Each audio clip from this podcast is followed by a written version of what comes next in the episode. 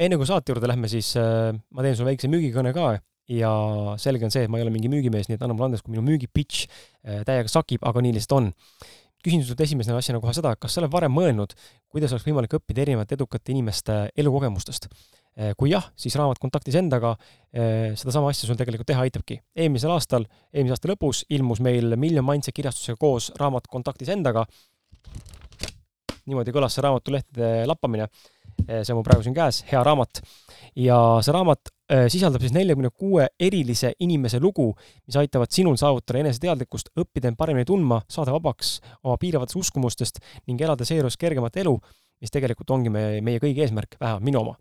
raamatus leiad vastused küsimustele nagu näiteks, kuidas olla autentsem, kuidas mõtlevad edukad inimesed, kuidas leida oma tee ja kirg, kuidas toimib ideaalne paarisuhe, kuidas saada lahti kompleksidest ja alaväärtustundest, kuidas vabaneda hirmust ja hukkamõistust, kuidas kuulata oma intuitsiooni ehk sisetunnet ja veel palju-palju teisi küsimusi, millele sa vastused saad, need kõik lihtsalt ei mahu praegu siia väiksesse reklaamiklippi.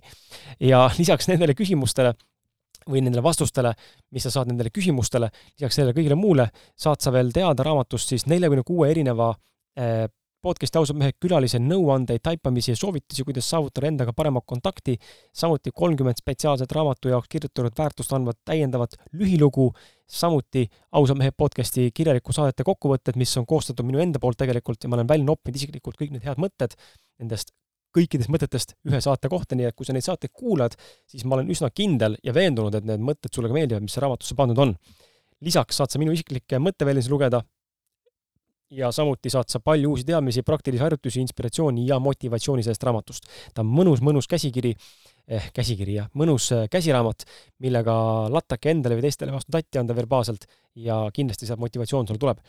raamat Kontaktis endaga eh,, ausad vestlused elus ja pildis, esimene osa kirjeldab esimest sadat maha peetud ausat, autentset ja värskendavalt toorest vestlust.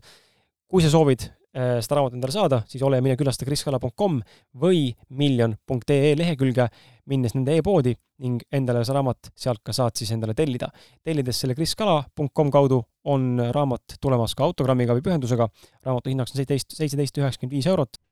ja ühtlasi veel, kui soovib muuta oma elu ning pöörata enda jaoks täiesti uus lehekülg, siis lisaks raamatule Kontaktis endaga äh, soovitan sul mõelda ka kirjutamise peale ja selleks on olemas selline bränd nagu Eesmärkmik, mis on loonud siis äh, sellise suurepärase kirjutamise või kirjaliku töövahendi.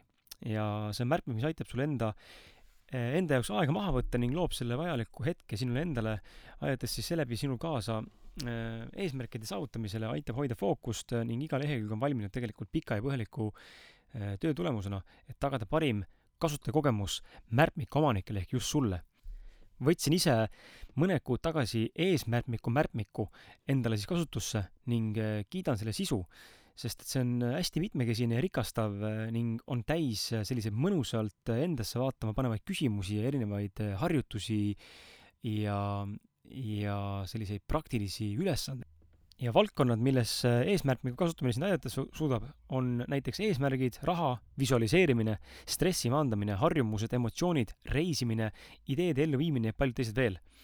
seega, kui tunned, et oled valmis enesearengus astuma järgmise sammu lisaks kontaktis endaga raamatu lugemisele, siis mine külasta www.eesmarkmik.ee. ja ongi kõik, ilusat saadet sulle!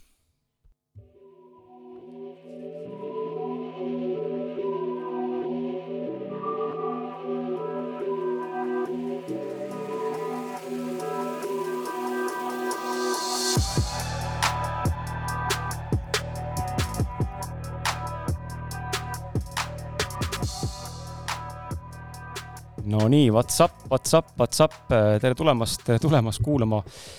Ausad mehed podcasti järjekordset episoodi, läheneme tormiliselt kahesajandale episoodile ja ja ma istun jälle siin laua taga, täna on kaks salvestust ees nagu ikka, sinul ei ole vahet, sina ei kuule kahte asjad järjest, kui sa juhuslikult ei ole väga fanatt. nagu mõned meie kuulajad, ma arvan, ka tänane kuulaja saab seda kaasa rääkida ja öelda, et äh, mul on tulnud kirju ja, ja nii-öelda siis märkuseid, et mõni reaalselt on kuulanud päevaga kümme episoodi pluss isegi, et ma ei kujuta ette, see aega ja maht võetakse, aga ju siis, et ma ise olen ka teatud podcast'e ja võib-olla ka teatuid äh, blogisid või, või mingisuguseid, äh, ütleme selliseid minu jaoks siis influencer eid vaadanud, tarbinud väga-väga mahukalt, eriti alguses, kui ma olen nende kanalid ja sisu nii-öelda content'i avastanud, nii et tegelikult täiesti loogiline ja ma olen väga tänuväärne, et sa seda teed. tänu sinule me oleme jõudnud täna ka pluss kolmsada viiskümmend tuhat kuulamist ja miljon on mul eesmärk, et kui miljon täis saab, siis ma panen pillid kotti ja siis on kõik, et praeguse statistika alusel vaadates seda kõverikku, siis natuke on kukkunud kolmandal aastal kuulamised, aga ütleme niimoodi, et kaheksanda, üheksanda aasta juures ma peaksin vist siis lõpetama selle pulli, et kui kõik nii läheb, nagu praegu läinud on. Aga jaa, mis siis veel põnevat, täna on mõnusad külmakraadid käes ja külmailmad käes, meil on küll veebruar, kui me salvestame, sina kuuled seda ilmselt märtsis, aga siis juba päike paistab ja sillerdab ja linnud laulavad ja, ja kõik on tipp-topp ja suvi tuleb, aga mul oli täna selline olukord, kus auto ei läinud käima ja ma reaalselt mõtlesin, et ma ei jõuagi tulla salvestama, sellepärast et oma maal olles oli siis õues miinus kakskümmend seitse. Äh, päris äh, krõve oli ja, ja päris, päris vastik oli, et aga õnneks, õnneks oli elukaaslase ema kodus, äh, sain tema auto võtta, nii et on ikka tore, kui on autoomanikke rohkem kui üks peres. aga jaa, ei olegi midagi pikemat, pikemat siia sissejuhatuseks väga midagi muud rääkida, ei hakka aega raiskama, lähme kohe sissejuhatuse juurde, täna mul külas Jesper Parve, kõik, ma julgen öelda kõik Äh, ini-, seda nime kindlasti on oma elus äh, viimaste kümne aasta jooksul, äh, võib-olla kümme palju, aga ütleme, viimase viie pluss aasta jooksul kindlasti kuulnud ja, ja ma arvan, et kui sa ei ole, siis noh, teie küsimus, kus sa olnud oled, teistpidi on hea, sest et siis sa kuuled jälle kellestki midagi uut, kelle sa varem teadnud ei ole, ma suhtlesin siin, ma teen ka podcast'i koos Merilin Taimrega, Paljas, Palja Porgandiga ja siis ma käisin temaga salvestamas, hüppasin saadet ja siis ta ütles ka, et ta käis esinemas koolis kuskil ja, ja kujutad sa ette, publikul polnud aimugi, kes ta on. Mitte, et Merilin oleks nüüd nagu kõige kuulsam inimene Eestis, aga noh, ikkagi arvestatav kogukond teda teab ja ja ongi huvitav näha tegelikult, et see uus generatsioon, kes tuleb peale, need äh, tänased lapsed nii-öelda siis ütleme, see kümme kuni seal võib-olla siis, ma ei tea, viisteist, kuusteist, seitseteist, nendel ongi täiesti teine jälgijaskond, keda nad jälgivad juba ja, ja meiesugused äh, äh, vanad peerud, kes siin täna istuvad laua taga, neid ei kotigi ja võib-olla, võib-olla üldse ei jõuagi nendeni, et äh, see on täiesti okei okay. ja samas jällegi see on positiivne, sest et on ju üha rohkem uusi inimesi, kellele midagi pakkuda ja kellele väärtust luua ja kellega suhestuda või samastuda. nii et äh, äge ehm,. tänane on siis äh, jaa, nagu ütlesin, külas on Jesper Parve äh,, paljudele eestlased tuntud. ta on endine äh, profikorvpallur, olles täna pigem tuntud kui kirjaniku ja teiste andekate kirjanike kirjastajana. tal on enda sulest ilmunud äh, sari, triloogia, ma ei tea, kas üldse on õige sõna, võib-olla õigem öelda lihtsalt triloogia, nimega Mees ja, ja tegelikult mehest äh,, raamatust Mees on saanud ka tegelikult sari, nii et ikkagi on sari äh,, kaldkriips triloogia, on ju. ja tema Yes kirjastuse alt on tänase seisuga siis äh, alates äh, ütleme siis kuni kaheksateist veebruari seisuga äh,, tänase salvestuskuupäevaga, on ilmunud viisteist raamatut, ma võin eksida, aga niimoodi vähemalt mul Apollo äh, koduleht neid äh, loetelu kuvas, nii et äh, mine tea ja neid muudkui tuleb aga juurde ja see on see koht, kus mina kindlasti äh, siin küsimusi saan küsida ja, ja uurida, mis värk sellega on, sest et äh, on selline tunne, et on, on kohati selline tunne, et Jesperil on varutud kuskile sahtlisse äh, aastakümneid valmis raamatud, mis nüüd puhtalt, puhtalt välja tulevad mingisuguse, ma ei tea, mis, mis, mis tuhhi pealt, aga kuskilt nad tulevad. ja mm, ta, Jesper on minu meelest, on ta kõva brändikujundaja, nii personaalse brändi kui ka siis oma ettevõtte ümber, milleks on siis Yes Tribe ehk siis eesti keeles hõim, eh, kaubamärk, mille alla on koondunud siis Yes kirjastus, Yes podcast, Yes sandwich stuudio, Yes beach houses ning Yes disain. tal on samuti olnud võimalus ka saateid juhtida eh, ja juba pikemat aega koos eh, Margus Vaheri ja Eero Spriidiga tehtud ka ülimenukad vestlusõhtud, mida mehed tegelikult tahavad. ja kas see täna ka veel on olemas, seda ma ei tea, seda saame kuulda, kui palju meil seda Covid täna siin seda soodustab või võimaldab, võib-olla on ju kõik online stream, aga igal juhul seda on päris mahukalt tehtud ja, ja ma ise olen sealt võtnud ka natuke väikest šnitti ühe ideega, mida ma üritan käima lükata, nii et nii et jaa, igatipidi eeskujuks ja samal ajal ka inspiratsiooniks ja samal ajal ajab ka närvi. Heas mõttes, et ma olen siin nagu varem ka öelnud, et ma olen ka hästi konkurentsi võimeline ja hästi suure töömahuga ja töövõimekusega, aga Jesper on üks inimene, kes mind närvi ajab, teine on Peep Vain ja kolmas, kes mind praegu väga närvi ajab, on Timo Porval. sellepärast, et kui sa neid inimesi vaatad, siis on selline tunne, nad kogu aeg midagi teevad ja teistpidi on see okei okay ja kihvt, siis ise teed ka, aga, aga ikkagi jääb niisugune tunne, et sa hakkad ennast võrdlema ja siis tekib tunne, et ma olen ikka täiesti mõttetu vend. et see annab nii palju asju välja ja tal on niisugune maja ja niisugune auto ja niisugune elu ja niisugune pere ja ja, ja siis ma siin topan kuskil oma mingit podcast'i otsas ja mingisuguste probleemide juures või vastupidi, läheb hästi, onju. aga ongi huvitav näha, kuidas inimesed äh, käivitavad teinekord päris tugevalt ja, ja üldse mitte selles mõttes nagu halvaloomuliselt, aga just, et paneb mõtlema, et mida kuradit see vend nagu teeb ja kust tal see tuleb või, või mismoodi nagu nii hästi läheb, nii et ma ei tea, Jesper, kas keegi on sulle varem öelnud, et sa ajad talle närvi või? Tere, Kris ja tere kõik kuulajad, ma siin vaikselt olen viimased viis minutit omaette juba nüüd naernud, et äh, see sissejuhatus oli väga kihvt, et aitäh sulle, mul on ka hea, hea mõnus, pumpasid mind täis siukest head energiat ja äh, tuli hea tunne, et mul on ka elus kõik hästi. et äh, jaa, tere!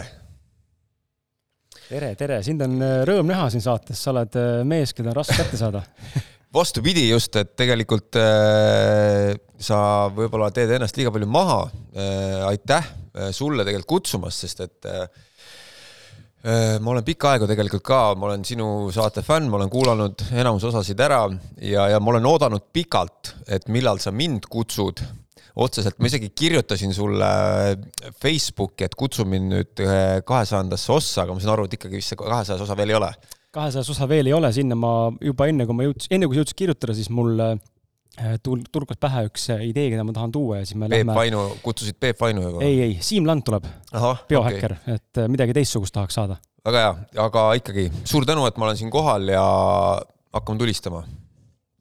kuidas on selle närvi ajamisega, kas äh, oled sa seda, kuuled sa tihti seda, et inimesed, et sa ajad inimesi närvi või, või tekitad inimestes sellist äh,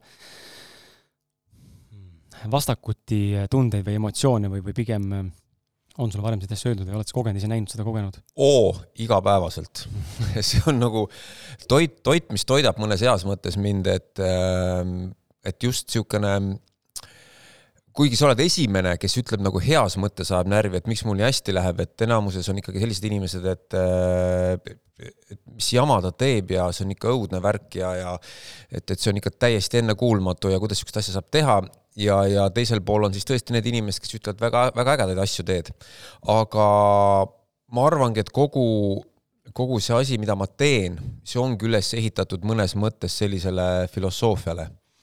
et äh, üks hästi äge inimene, kes mind viimased aastad nagu tutvustanud täiesti uue maailmaga, tele- ja raadiomaailmaga, Kirsti Timmer tegelikult äh, see tundub võib-olla inimestele natuke naljakas, aga tema kunagi ütles mulle sellise lause, et Jesper, et äh, kui tema oli noorem kunagi ja tuli, kui ta Eestisse tuli MTV ja valiti MTV saatejuhte ja siis see mees, kes tuli välismaalt, ütles, et et ma otsin neid inimesi saatejuhtideks, kellel on fänne ja keda vihatakse. et sul peab olema need mõlemad ja mul on need mõlemad olemas ja selles mõttes kogu see meie tegevus, mida ma teen, mida ma räägin, raamatud, mida me kirjastame, me olemegi üles ehitanud kogu sellele, et meil on fännid ja meil on vihkajad ja selles mõttes on need mõlemad äh, positiivsed asjad, sest me teeme mõlemat pidi inimesed õnnelikuks. Need, kellele me meeldime ja kellele meeldib kogu see maailmavaade ja see, millest me räägime, äh, neil läheb tuju heaks. Ja teistpidi need inimesed, kes meid vihkavad, nad äh, loevad meie raamatuid, nad vaatavad, mida nad teevad ja nad tunnevad õnneks, nemad niisugust asja ei tee ja nemad sellised ei ole ja neil läheb tuju heaks. Nii et mõlemat pidi oleme väga positiivne, positiivne tribe ja positiivne selline hõim vot see oleks niisugune võib-olla väike sissejuhatus, kuhu me praegu oleme jõudnud oma mhm. eluga. see on väga huvitav lähenemine ja mulle tundub, et see on hea, et sa välja tõid selle, sellepärast et see vastab äh, internetis äh, olevatele mingitele foorum küsimustele, ma üritasin teha siis nagu back-up check'i sinu kohta niimoodi, et info kokku panna, eks ole mm., midagi relevantset ja midagi ägedat luua. sattusid ikka lugema mingeid kommentaare asju kuskilt ja, ja mingi artikli all ja siis seal on nagu näha, et noh, endalgi on tekkinud sama küsimus, et mille alusel see vend oma brändi ehitab, nagu miks see on niimoodi, et ühtepidi eh, noh, ma ise tean täpselt sedasama tunnet, et ühtepidi on inimesi, kes sind austavad, kes sind armastavad, teistpidi neid, kes sind sõnas mõttes vihkavad ja tahaks enam-vähem põlema panna, on ju. see on okei okay ja see, ma arvan, et see võikski ühe eluterve inimese juures niimoodi olla. Ehm, ma arvan, et kõigile meeldida ei saa ja ei olegi mõelegi mõtet, tihtipeale sa hakkad endale valetama, kui sa hakkad kõigile meeldima. aga loomulikult, eh, mis mind nagu mõtlema pani, oligi see, et sama asi, et see, see vastuolulisust nagu tekitada, et ühelt poolt äh, on seda inimesi, kes tahavad saada, teiselt poolt inimesed, kes seda üldse ei taha näha, et su nimi kuskil läbi käiks ja sinu raamatud on ju kõik tahavad maha, aga nüüd on see kõige naljakam asi, et ometi needsamad inimesed, kes äh, teisi inimesi maha teevad ja kadestavad või vihkavad või kuidagi põlastavad mm., nad tarbivad ikkagi seda sisu või, või seda toodet, et see ei jäta nagu külmaks. Ja, ja see on minu meelest kõige olulisem asi, mis ma olen nagu õppinud oma, oma elu jooksul samamoodi, et kui sa, kui sa jätad külmaks, no siis on kõige kurvem olukord üldse jaa, kui, kui sa kõigile meeldid ja kõik on hästi ja tore, vaata siis ei, nagu keegi ei tahagi heas mõttes sind tarbida, aga selles mõttes ma kohe ütlen alguses ära, et, et mina kallistan neid kõiki inimesi mm. -hmm. et ma ei ole kunagi mitte kuskil äh, kellelegi hakanud nii-öelda kättemaksu auduma või midagi, et mina kallistan neid kõiki inimesi, ma olen alati öelnud ka, et et on võimalik nii-öelda linna kõige suuremat maja ehitada kahte moodi, on ju, et sa lõhud kõik ülejäänud majad maha, ehitad ühekorruselise maja, sul on kõige suurem linnamaja või sa lihtsalt ehitad teistest kõrgema maja et äh, me oleme nagu oma suuna võtnud sellele teisele variandile ja, ja kõik need äh, inimesed, kes on, kes on äh, puutunud kokku meiega, ma tahan kõiki kallistada.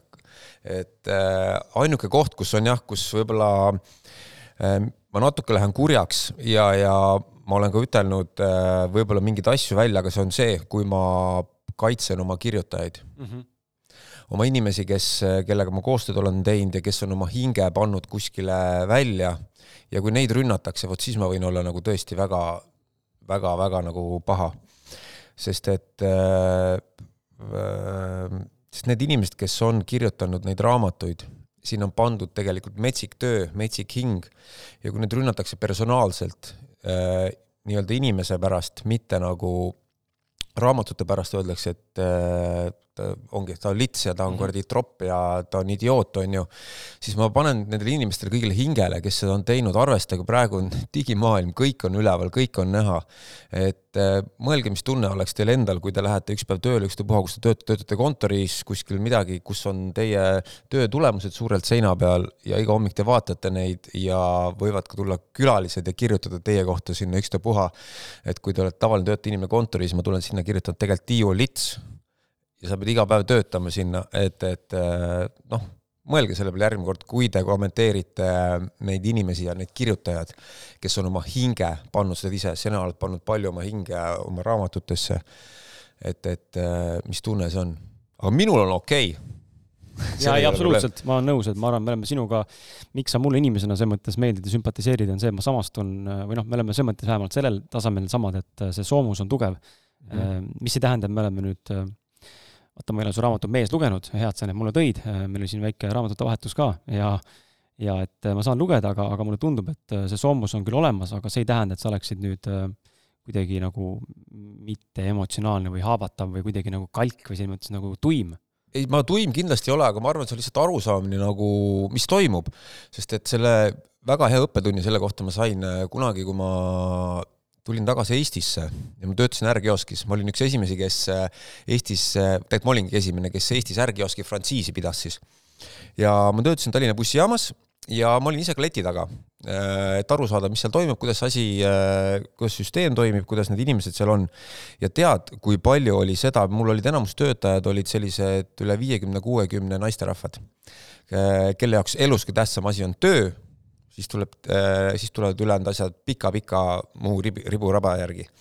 ja kui seal juhtus niimoodi, et sealt tulid noored inimesed, kes tulid äh, kliendina sinna ja hakkasid naisi sõima, mul on kiire, anna mulle see, anna mulle see, mida sa jokutad, mul on nii kiire, ma pean bussi peale jõudma, mul on bussi peale jõudma, onju. ja siis ma vaatasin seda kõrvalt ja tekkis küsimus nagu, kuule sõbrake, et kellel on probleem sina oled oma ajakava valesti teinud, et sina bussist maha jäid ja miks sa tuled nüüd teisi inimesi ründama, sellepärast et tema teeb oma tavapärast tööd. ja see ongi alati see, tuleb läbi mõelda, et kellel on probleem, on ju. kui ma auto, istun ummikus kuskil oma autoga, sõiman kuradi tropid, on ju, et kus kuradi jälle on siin, seisate, mis sa seisad siin. mõtled, issand, sa idioot, oled ju kaks aastat siin iga hommik selles ummikus istunud, on ju, natuke mõtle. tee oma töökava ümber või midagi, et kellel on probleem, on ju, samamoodi ka need inimesed, kes kes äh, ma ei tea, lahmivad seal või sõimavad, mida iganes, noh, ma näen ära, kellel on probleem, on ju. Mhm. mainisid äh, Kirstit, siis äh, meil on, äh, mul on saates kombeks ka, kui tuleb keegi, kellegi nimi üles, kes on saates käinud, siis ma annan võimaluse ka seda nii-öelda minna vaadata, et siis ole hea. hashtag sada viiskümmend kaheksa numbriga episood on siis Kirsti Timmeriga saade olemas, peaaegu neli tuhat kuulamist kohe täis.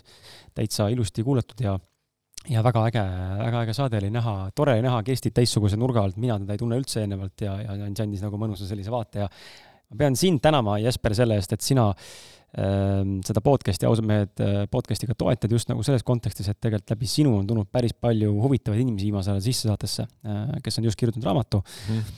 ja, ja, ja see on nagu hästi äge, et äh,, et tule on tulnud hästi sellised äh, väga huvitavad persoonid ja väga huvitavate ja sügavate mõttemaailmadega inimesed, kellega saab vestelda ja kellega mulle meeldib vestelda ka, nii et äh, aitäh sulle. ja, ja see on väga äge ähm,. Lähme siis äh, selle põhiküsimuse juurde, mis meie saates alati on, selline äh, selline mõnus, mõnus kulgev, kulgev küsimus ja, ja voolav vastus, et äh, sinu teekond, sinu tekkelugu, Jesperi tekkelugu, et äh, kui sa täna istud siin nüüd äh, vaja nagu ennast tagasi hakata kerima kuidagi, siis kust hakkas pihta see Jesper Barber rännak ja, ja see kujunemine ja millised on olnud suuremad sellised milstone'id või, või nii-öelda nagu mingid murdumised või vastupidi, õnnestumised või õppetunnid, mis on sind siis inimesena vorpinud ja, ja sinu mõttemaailma muutnud, mus-, noh, kuidagi mõjutanud või, või turgutanud? no ma katsun väga lühidalt teha mm. -hmm noh, vaata nagu sa alguses ütlesid ka tegelikult, et inimesed, äh, kes ei tea mind, et kus te viimased viis-kuus aastat olete olnud, on ju. et tegelikult on mul äh, elu nagu enne seda ka olnud, mis, mis nüüd need viimased aastad siin on toimunud, aga aga ma arvan, kus see kõik pihta hakkas äh, noh, mul oli hästi tore lapsepõlv, kõik oli äge, mul olid superägedad suved, ma elasin maal oma vanema vanaisa juures kogu aeg, et põhimõtteliselt oleme ikkagi hingelt maakas on hästi sügav side kõige sellega, mis on niisugune päris ja ehtne ja, ja me olemegi nüüd tegelikult perega tagasi Hiiumaale päriselt kohe kolimas, et see on nagu üks jälle järgmine etapp, millest me võib-olla ka pärast räägime, mis hakkab aga toimuma. sa oled sealt pärit ka, jah? ei ole okay.. ma olen äh, tegelikult Tallinnas sündinud, aga kogu mu emapoolne, isapoolne suguvõsa on kõik Mulgimaalt, et Viljandist, ma olen kogu selle lapsepõlve seal veetnud. väga ägedad suved maal linnas mingi hetk mu ema-isa läksid lahku ja ma olen äh, üles kasvanud oma emaga. ja miks ma seda kõike räägin, ongi võib-olla, et see teekond hakkaski nagu sealt pihta. et äh, nooruspõlv oli nii, nagu ta ikka oli, kõik tegid oma asju, aga mina hakkasin väga varakult tegelema korvpalliga. ja juba kuueteistaastaselt ma sain äh, korvpalli eest palka, mis tähendas, et äh, kuusteist ja ma lõpetasin kolmkümmend, et neliteist aastat olin ma profisportlane. see oli see, mis oli mu töö. kas see oli nagu noorena siis stipendium või ta oli reaalselt nagu, reaalselt nagu palk no, nagu tööpalk? nojah, et kõik, kes nüüd kuulavad, tegelikult see oli ikkagi stipendium mm, -hmm. aga noh, ma ei tea, kuidas no seda saab võtta muidugi palgana ka selles mõttes, jah, loomulikult. et see oli neliteist aastat ikkagi see, ma olen äh, kaks aastat ka noh, välismaal Soomes mm -hmm. mänginud ja, ja siis hakkasid nagu siuksed esimesed suuremad õppetunnid tulema ja mis mõttes ongi see, et äh, me olime emaga üles kasvanud ma käisin koolis, kus olid kõik õpetajad naised ja kogu mu muu, muu maailm koosnes ka, või ütleme, kogu mu maailm äh, koosneski naiste õpetustest. mis tähendas seda, et mina nägin kogu maailma nii, nagu nemad näevad. ja kui ma sain niisugune heas mõttes ema tiivalt välja, ma sain kaheksateist, lõpetasin kooli ja läksin päris maailma äh, ja hakkasin nagu päris profiks Äh, ja ma pidin aru saama, et, et mis see elu päriselt on, siis mulle lihtsalt sõideti üle hammaste ja ma saan aru, et see, mida ma olen õppinud viimased kümme aastat, on äh, totaalselt vale. et meeste maailm ei ole naiste maailm mm. -hmm.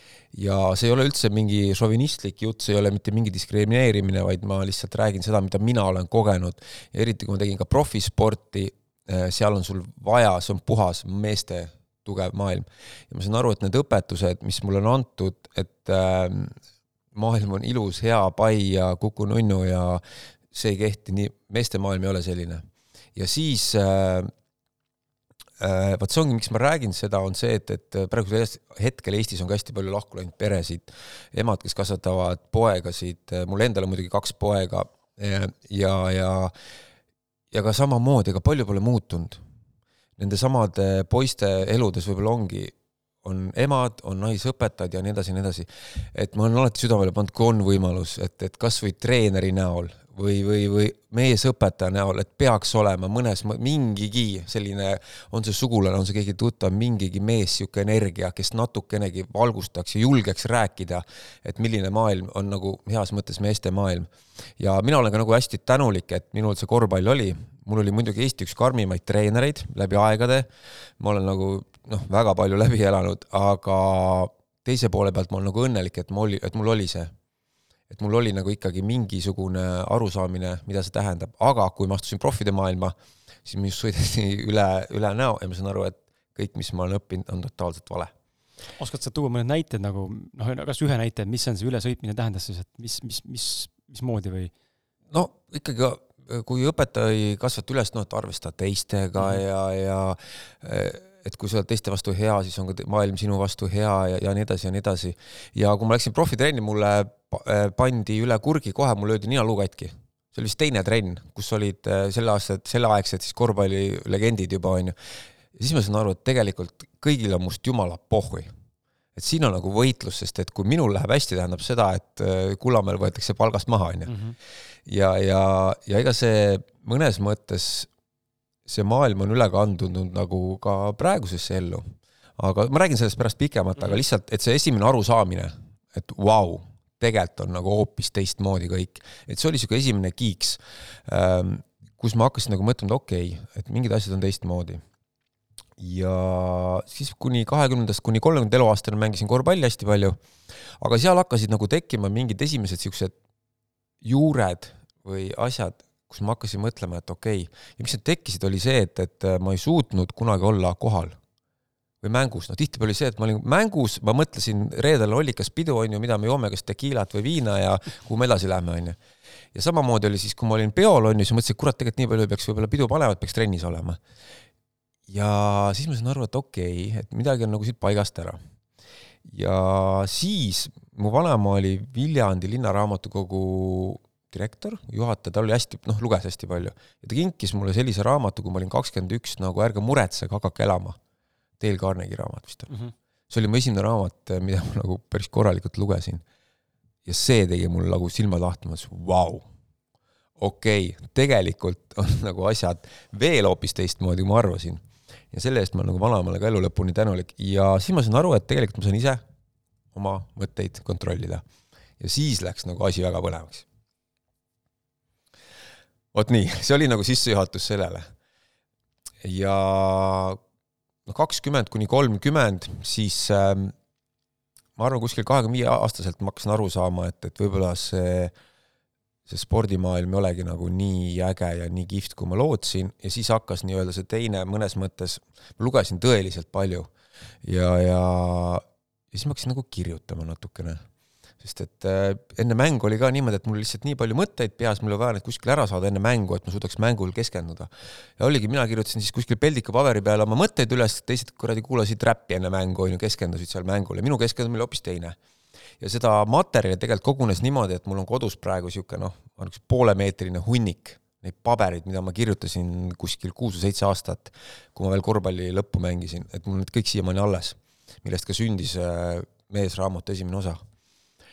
Ja siis mingi hetk võttiski niisugune teine maailm mind üle. kolmekümneselt ma lõpetasin päevapealt, sest mul aitas, ma saan aru, et see pigem lõpetada nagu varem sest mind nagu kunagi ei inspireerinud, see ei olnud nagu minu jaoks, et ma nüüd lõpetan mängimise ära, siis hakkan treeneriks, siis kohtunikuks, hakkan bussijuhiks ja nii edasi ja nii edasi, on ju.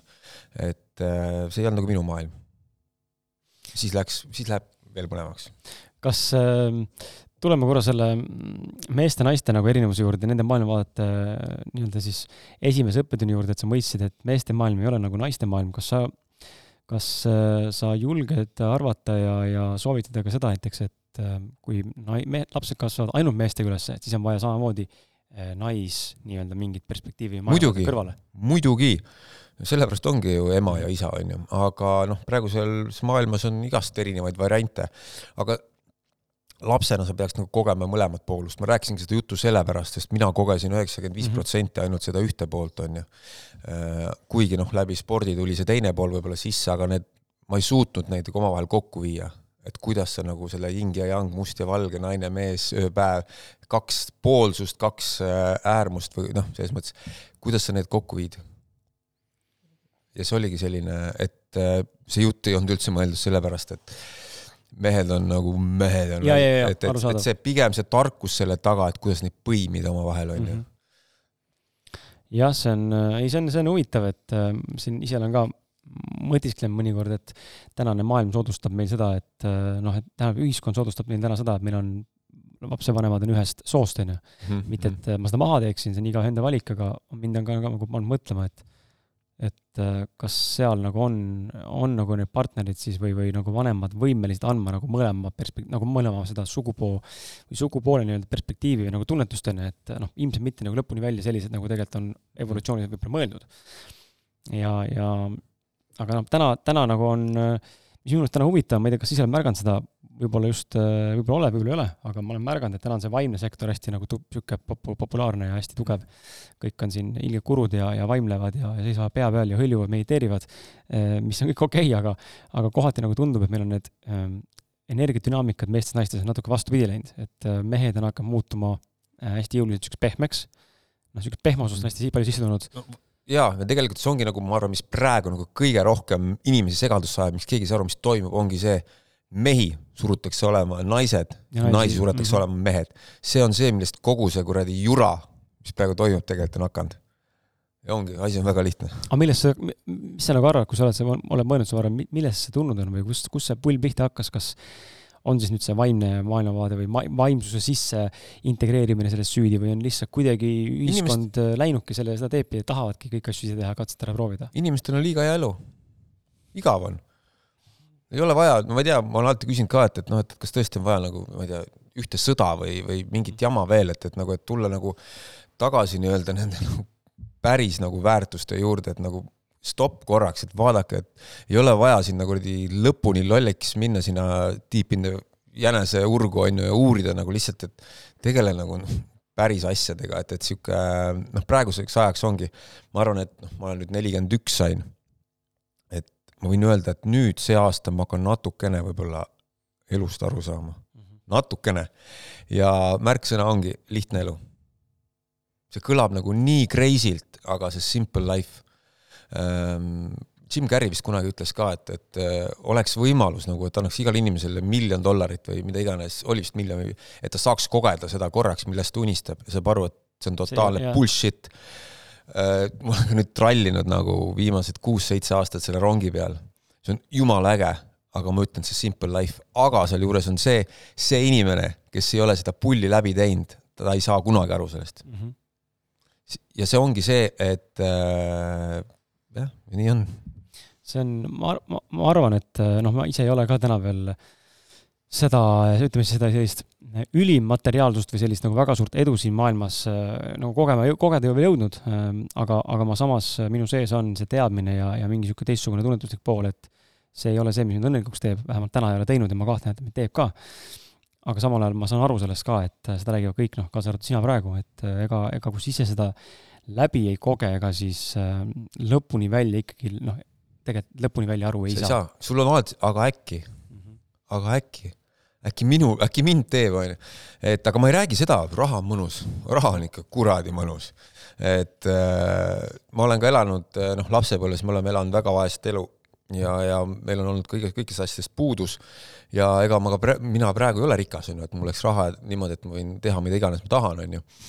aga aga ma ei ole ka selle poolt, äh, on ka need äärmused, kes ütlevad, et noh, et ei, et materiaalsus ja kõik see, et ei, et noh, ongi see, on ju, äh, et ma olen jooga ja kõik, noh, ma ei tee neid inimesi maha, on ka väga ägedaid, aga see, et äh, noh, lihtne on sellist asjadest rääkida, kui sa elad üksinda kuskil koopas, on ju, ja sul on väljas soe aga kui sul on pere, sul on lapsed, sul on kõik asjad, et noh, ma olen nagu sellises mõttes, nagu ma rääkisin enne, kui me pärast räägime neid niisuguseid väärtusi või mis see meiega see tribe esindab, et noh, üks asi on mm -hmm. nagu isadus ja teine asi on mehelikkus. et whatever, mida iganes ma teen, ma alati mõtlen asju läbi oma pere ja läbi oma laste. ma ei mõtle seda tihtipeale läbi oma tervise või, või see, et kuidas nüüd oleks õige, vaid see. aga noh, me jõuame sinna pärast mm, -hmm. aga mhm, lihtsalt see, et et äh, ärge mõelge, et raha on paha ja materiaalsus on jama. tegelikult on see väga mõnus. Ehm, sa tõid see raha teema ülesse korra, siis äh, ma korra seda puudutan ka, et äh, ma luban, ma ei küsi, palju sa teenid, kuigi ma arvan, kuulajad tahaks väga teada saada, aga, aga ma räägin enda kogemust lihtsalt, mida ma ise näen, ma olen äh, ka niisugusest keskpärasest perekonnast olnud ja ei ole millestki kunagi puudu olnud.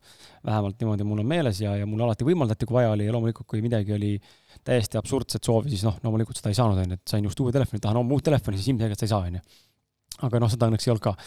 aga mis ma nagu näen, on see, et ikkagi midagi on niimoodi mõjutanud, äh, kas siis mingid sündmused või mingisugused kogemused, mida ma pole täitnud oma elus või mingid eesmärgid, unistused, mis on jäänud täitmata mingil põhjusel, on pannud äh, mulle siin paar aastat tagasi mingi põntsu niimoodi, et mul hakkas, äh, ma sain aru, mul on mingi, mul on mingi teema rahaga Mm -hmm. Läheb sitasti mm, -hmm. läheb sitasti, lihtsalt, lihtsalt läheb sitasti, onju, suudad koguda mingi summa, siis teed ise mingi valiku, kas lähed kuskile reisima mingi paariks kuuks, onju, raiskad selle raha ära nii-öelda, elad, elad maha, saad kogemust või, või mis iganes muud ja hakkad uuesti ennast üles ehitama, et selline ülesehitamise ja nagu nulli kukkumise tsükkel on olnud mingi neli-viis korda juba. ja täna viimast korda käes, rohkem seda ei tule, ma tean, ma olen otsustanud seda. aga täna, täna siiani, kui ma seda saadet salvestan, täna on kaheksateist veebruar, siis täna enam ma tunnen, et see on nagu juba minevik. -hmm. aga siiani, ütleme aasta kaks tuhat kakskümmend üks alguseni oli mul reaalselt elu kõige keerulisem periood, noh, finantsiliselt ja, ja nüüd ma näen, mis muutunud on, on see, et mul on muutunud mõtteviis ja milleni ma tahan nüüd viia sinu tähelepanu ka, Jesper, et äh, rääkida nagu sellest poolest, et kuidas nagu see, äh, mis on see raha nagu siis, et kas on see rahatarkus või, või on see äh, raha mõtteviis või on see midagi muud taga, on ju, mingi uskumus või, või usaldamine, on ju. et mina nägin, et kui ma hetkest hakkas, hetkest, kui ma hakkasin ennast väärtustama ja see käis ära nagu internally, siis sisemiselt käis see mhm. mingi otsus, mitte mõne mõistusega ratsionaalselt otsustada, ma hakkan ennast väärtustama, nii ongi, vaid see pidi nagu, see käis kuidagi teistmoodi läbi ühe coach'i, kes aitas mind. Anne, Anne Laund on meil saates käinud ka, võite üles otsida, kui saadet kuulata, et äh, temaga ma jõudsin läbi kolme sessiooni siis selleni, et ma hakkasin ennast päriselt väärtustama ja aru saama enda tugevustest, mida ma olen maha matnud. ja, ja siis ma, ja siis niimoodi nagu täitsa lambist hakkas nagu kuskilt raha juurde tiksuma mm, -hmm täna on kergem olla ja täna mul on esimest korda elus, esimest korda elus minul ja mu elukaaslasel ka on tunne sees, et äh, me oleme rikkad. külluslik tunne on, ma ei ole mm, -hmm. veel ei ole, on ju, et äh, clear fact, et veel ei ole, aga tunne on selline, nagu ma sõidaksin Porsche Panameraga umbes. niisugune reaalne tunne on ja see on nagu huvitav, see on siin peas käinud shift ja ma saan täna endale öelda, et ma olen miljonär või, või ma olen väärt kodu või ma olen väärt maja või ma olen väärt äh, kümmet tuhandet või kahtekümmet tuhat sissetulekut või mis iganes veel. vanasti ma ei saanud öelda seda, mul hakkas mingisugune sisemine teema hakkas ütlema, et sa ei ole väärt ja sa oled mõttetu vend ja sure maha umbes ja et kuidas sul see protsess on olnud, kas sinu sõnus on alati olnud mingi konstantne selline raha äh, teadlikkus või, või raha nagu mentaliteet või, või mõtteviis raha ümber või raha usaldamine või mis see sinu jaoks on ja kuidas, kuidas sa täna nagu näed seda vanemas eas? No ma arvan, ma olen sinuga väga-väga sarnast teekonda käinud, et tegelikult ei, et see on ainult niisugune viimase aja asi. et no kõik need asjad on pärit meil on ju lapsepõlvest, meie vanematest, meie vanavanematest ja kõigest on nagu Eesti rahvas on olnud ikkagi kõik, et noh, mis kurat rikkad ja kui nad varastavad ja noh, seda on taotud ja taotud, meie vana-vanaisa ta, tagus meie vanaisale, vanaisa tagus meie isale ja meie isa on meile rääkinud, on ju seda või emad või mida iganes. et see see niisugune suhtumine rahasse, et nagu praegu on ka, et, et nendest hunnikute viisi mingitest äh, mõtte, noh, kuidas raha teenida, pole kasu mitte sittagi, mitte midagi. inimesed metsikult loevad, kõik pildistavad, näitavad, mida nad loevad, siis pole mitte midagi kasu. kui see deep core, see alumine, see mõte rahast on juba vale ja et seda muuta, see on nagu tegelikult see on nagu metsik töö. ma arvan, et äh, minul nagu hakkas asjad edenema kuskil viis aastat tagasi neli aastat tagasi.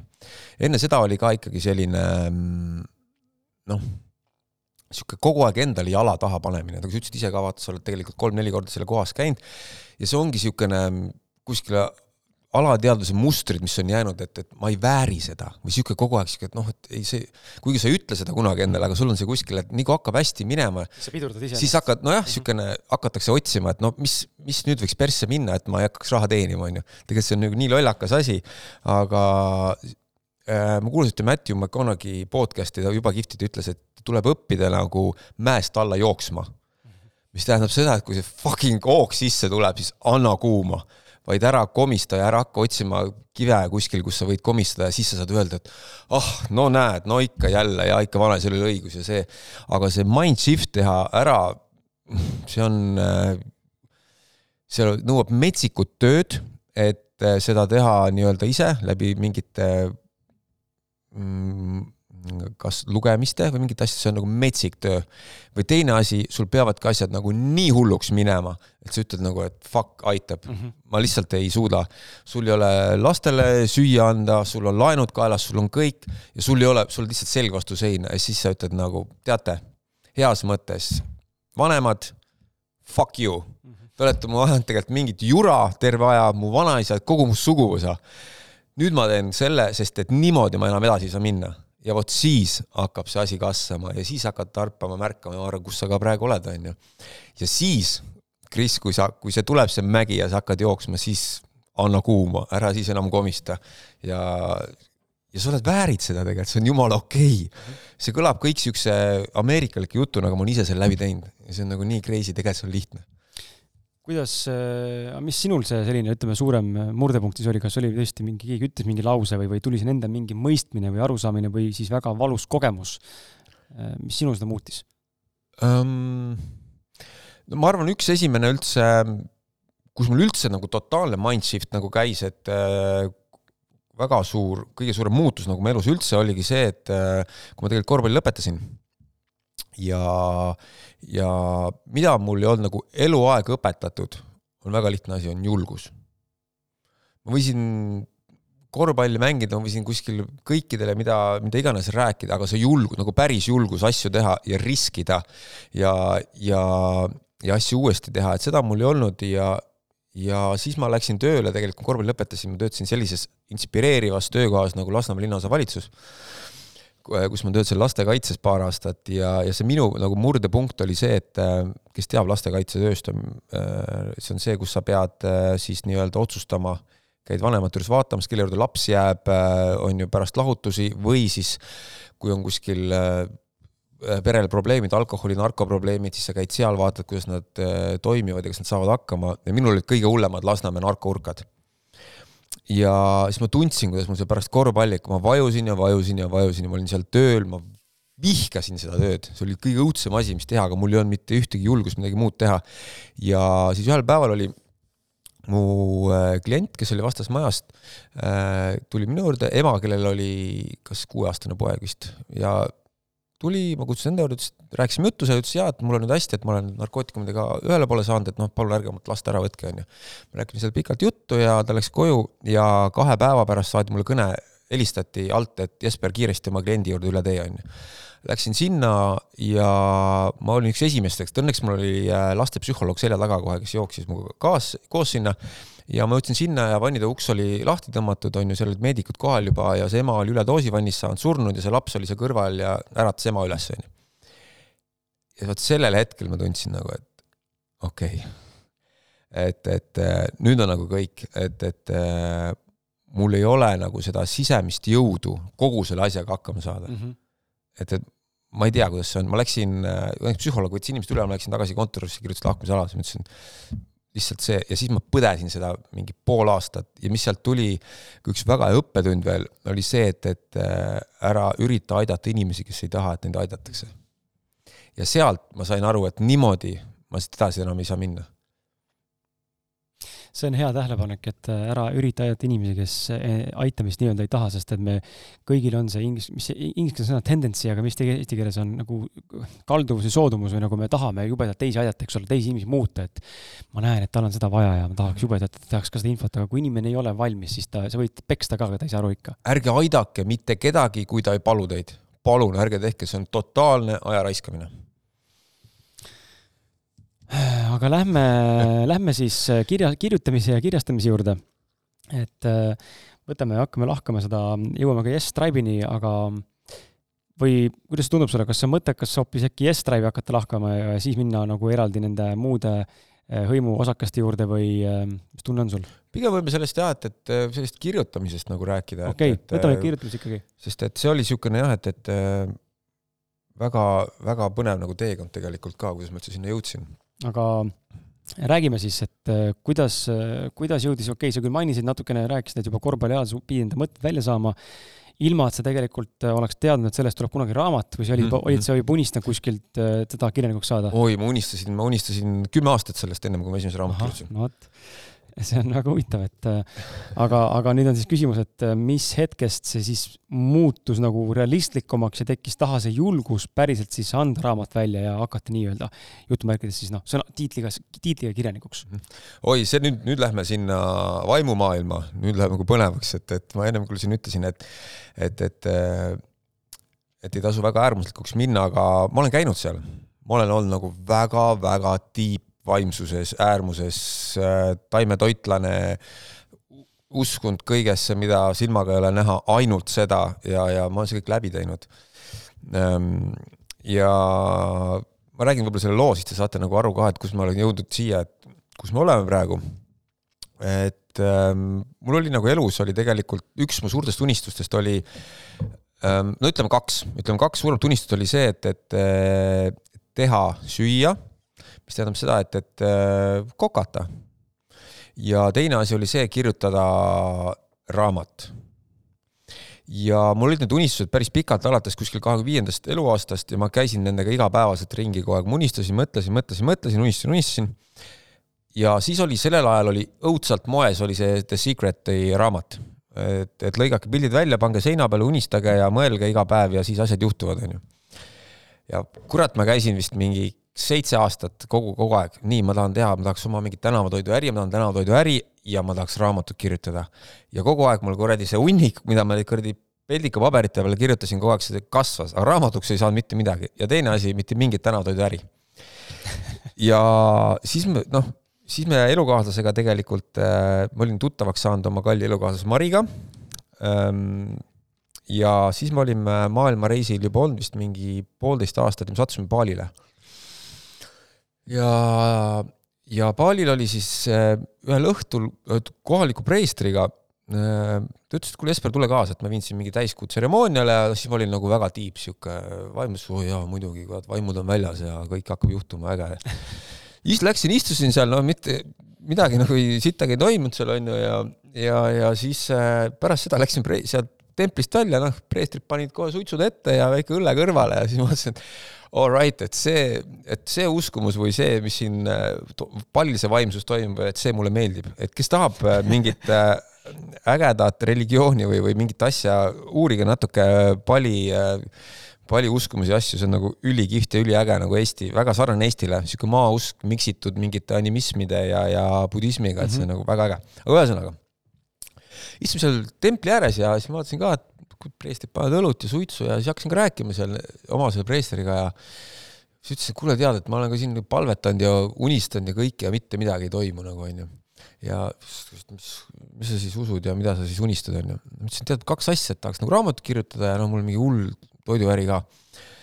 Äh, siis ütles, et tead, Jesper, vaata Balil on samamoodi.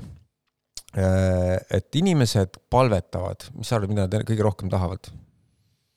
Hommikul käivad templis ja õhtul, mille, mida nad kõige rohkem ellu paluvad? inimesed üldse või Bali inimesed? Bali no ma, raha ma pakun. jess, no vot, enamus äh, käib palvetama ära seal ja siis läheb äh, puu alla pikali. nii, ja siis läheb õhtul tagasi templisse, palvetab ja siis läheb ma koju magama. vot mitte midagi ei juhtu, aga see preester ise ütles, et näed, Jesper, ma lähen hommikul palvetan ja siis ma lähen päeval koju, lükkan tunked selga ja hakkan telliskive laduma ja tal olid ilusad majad ja kõik. ja ütles, et nii, Jesper, nüüd pane oma minu jutt sinna enda jutusse, et mis sul sealt puudu on. ja siis ma mõtlesin nagu, Jesus Christ, et siin kuradi suitsetavate õllejoovade preestrite vahel ma saan nüüd selle valgustuse, onju. ma ei ole selle jaoks mitte midagi teinud. ma lihtsalt unistanud, palvetanud, viirukaid pannud ja ütelnud, et universum annab kõik, mitte sittagi ei anna. Nii, ja siis ma, ja siis ma järgmine hommik veel mõtlesin, ma öösel läbi magada ei saanud, siis mõtlesin, okei okay,, kuradi preester, ma panen su proovile nagu, et, et okei okay,, ma teen äh, midagi sellist, et äh, ma teen esimest korda reaalselt midagi. läksin äh, baalil kes teab, on niisugune koht nagu kafee, Ubudis kindlasti paljud kuulajad on käinud, kes seal, ja ma läksin sinna, istusin akna alla ja mõtlesin, okei okay,, ma hakkan äriplaani kirjutama oma võileivastuudiole. et äh, ma saaksin teha ägeda street food'i äri omale. Ma hakkasin mõtlema, okei okay,, nii, okei okay,, saiaga ma ei taha teha, on ju, sai on niisugune out värk, et teeks mingi ägeda leivaga. siis mõtlesin, nii, kes on äh, Eestis sellel ajal, kes oli kõige paremat leiba tegi ma ei tea Evelin Ilves Aha, siis oli Evelin ju tuli ja, oma leivaga välja. ja ma, ma olin seal vist mingi pool tundi kirjutanud ja siis kirjutasin selle leiva asja ülesse ja hakkasin aknast välja vaatama. ja mis sa arvad, kes jalutas äh, palil seal kohviku akna alt mööda? Evelin. Evelin Ilves. Ja see on päris lugu, kes tunneb Evelini, võib mu käest küsida. siis ma mõtlesin, et kuradi preester raisk. ja ma ei tundnud Evelini, meil olid mingid ühised kuskil kaugelt mhm. tuttavad mm, -hmm. siis mõtlesin, okei okay, nagu this is it ja ma läksin, jooksin välja, ütlesin, peatasin, vabandust, Evelin, et te küll ei tunne, siis ta oli veel Toomasega, noh, presidendi naine. ma olin mingi suvaline jorss korvpalli lõpetanud, ütlesin tere, Evelin, kuule, et tead, on Jesper ja võmm-võmm-võmm. tead, ma kohe räägin sulle välja, mul on, ma pean sulle rääkima, mul on üks idee. Teeks koos ühe võileivaäri. mis sa arvad, mis ta ütles mulle seal? Davai ütles jah, teeme. ja sellest sündis Yes Sandwich stuudio, millega me tegelikult tulime Eestist tagasi paar aastat, käisime mööda Eestimaad ja see nüüd on edasi kasvanud. ja siis ma saan aru, vaja teha asju. ja sellest hetkest alates ongi see, et ähm, ma siiski iga hommik veel palvetan aga ma ka teen metsikult, ma teen metsikult asju. ja vot see oligi minu lugu, kus see kogu see story hakkas ja, ja sealt ja siis paar aastat tuli veel see raha teema juurde ja nüüd viimased viis aastat need kaks miksed omavahel, ma arvangi, see on nagu sihuke edu, edu alus. see on äh, fantastiline lugu ja hea, et sa selle sisse tood, sest et äh, enne saadet me Jesperiga vahetasime raamatuid, Jesper tõi mulle enda äh, mees, triloogia siis Mees üks, otse ausalt, meil on Mees kaks, Minu kari ja Mees kolm, elukutse nii et sama, seesama üks komplekt triloogiast läheb ka sulle, hea eh, kuulaja, eh, võiduvõimalusse või loosimisse, ehk siis sul on võimalus võita see endale ja väga lihtne, kuidas teha on seda, see on kusjuures pühendusega, kõik raamatud on pühendusega, ehm, et äh, sa lähed lihtsalt Facebooki, otsid üles äh, ausad mehed ehm, podcast'i Jesperiga ja jagad seda saadet enda Facebooki seinal ja ühe jagaja vahel, või tähendab, jagajate vahel üks jagajatest saab selle triloogia endale. aga ma enda e-, eelmises raamatus Mõistmas, kes ma olen mm, -hmm. ma, mul on peatükk eraldi külgetõmbeseadusest ma olin siis Austraalias ja, ja olin ka seda ammutanud samamoodi vaimset teekonda sisse ja, ja läbi kamminud neid budistlikke asju ja siis jõudnud lõpuks omadele kuidagi kvantfüüsikasse ja sealt lõpuks siis välja sellesse mm. The Law of Attraction ja mida ma nagu ise mõistsin nende asjade käigus või selle tegemise käigus, et midagi on sealt puudu minu jaoks mm. -hmm. nagu sa ütlesid ka, et noh, palveta ja tee tantsimantreid ja ma ei keeruta pea peale, aga seda käed rüppes ei tule mitte sittagi ja siis ma mõtlesingi, et huvitav, mis seal siis puudu on ja ma hakkasingi aru saama, et mitte keegi millegipärast, isegi Secretis ei räägi tervitusest, ei, ei räägi fucking tegutsemisest, et sa pead ja. reaalselt tegema, võib-olla see on nii elementaarne, me sinu oleme kaks debiilikut, kes aru ei saanud sellest ja mõtlesime, et palvetangi ja nüüd ootan ja raha tuleb või, või elu, edu tuleb, aga reaalsus on see, et kui sa implementeerid ikkagi mõlemat, noh, see mõtteviis ja kõik see ka loomulikult, aga aga see kuradi tegutsemine, et sa hakkad lihtsalt peale ja varem või hiljem tulevad need võimalused ja varem või hiljem järjepidevalt midagi tehes, siis see asi liigub ja ma, ma tahan siia juurde öelda, et ongi see, et, et tegelikult see The Secret või nagu öeldakse, külgetõmbeseadus, see toimib mm. -hmm. ja selle jaoks eh, vaata, ei pea asjadest aru saama, et teada, et nad toimivad et seal on mingid eh, loodusreeglid on, see asi toimib, sa ei pea minema nii tiibiks oma elust raiskama ära pool aastat, et kogu aru saada, miks see asi toimib. ma võin öelda, et see toimib, aga sealjuures on täpselt see tegutsemine. et mul on ka nagu see reegel, et ma olen ka hästi süsteemne inimene ja näiteks ka kõik asjad, mida ma teen, eh, mis on kuhu poole ma pürgin, mul on iga päev, ma nokin välja hommikul, mul on süsteem, mida ma vaatan läbi ja ma kirjutan üles kolm asja. kolm asja, mida ma teen selle jaoks, et ma saaks selle oma unistuse ja see on nagu, vahet ei ole, oled sa haige, terve, pohmellis, koroonas, äh, reisil, iga päev, puhas süsteemsus ja seal ei saa ja samal ajal sa usud, et sa saad selle. ja sa, see ei ole võimalik, et see asi ei tule sinule, lihtsalt. too mõni näide, ütle üks eesmärk, mis nüüd täna on ja kuidas need, mis, mismoodi jaotada ära siis kolm nagu päevalist eesmärki? no ütleme, noh, me oleme nüüd äh, perega Hiiumaale kolimas ja, ja me praegu ehitame, loome kooli sinna. ja teine asi ka, et meil tuleb nüüd, ma loodan, fingers crossed, et äh, mitte midagi nüüd enam lõpus vassi lähete, et meil tuleb ka üks äge selline mm, ühest turismitalust me ehitame ümber siis sellise võib-olla inspiratsioonitalu või kus mm -hmm. noh, inimestel on tore puhata. ja et see asi jõuaks nüüd sinna lepinguni ja me saaks seda hakata ehitama, on kolm asja. ma paningi täna kirja näiteks äh,. tänased asjad on, ma pean helistama selle perenaisele, kes on kaheksakümne seitsme aastane, temaga kümme minutit juttu rääkima ja küsima, kuidas tal läheb ja, ja natuke arutama neid teemasid seal. teine asi, seal on vaja seada servituudid, ma pean kirjutama maaklerile, äh, kuidas ma saan need servituudid tema tütre käest, kes elab Rootsis.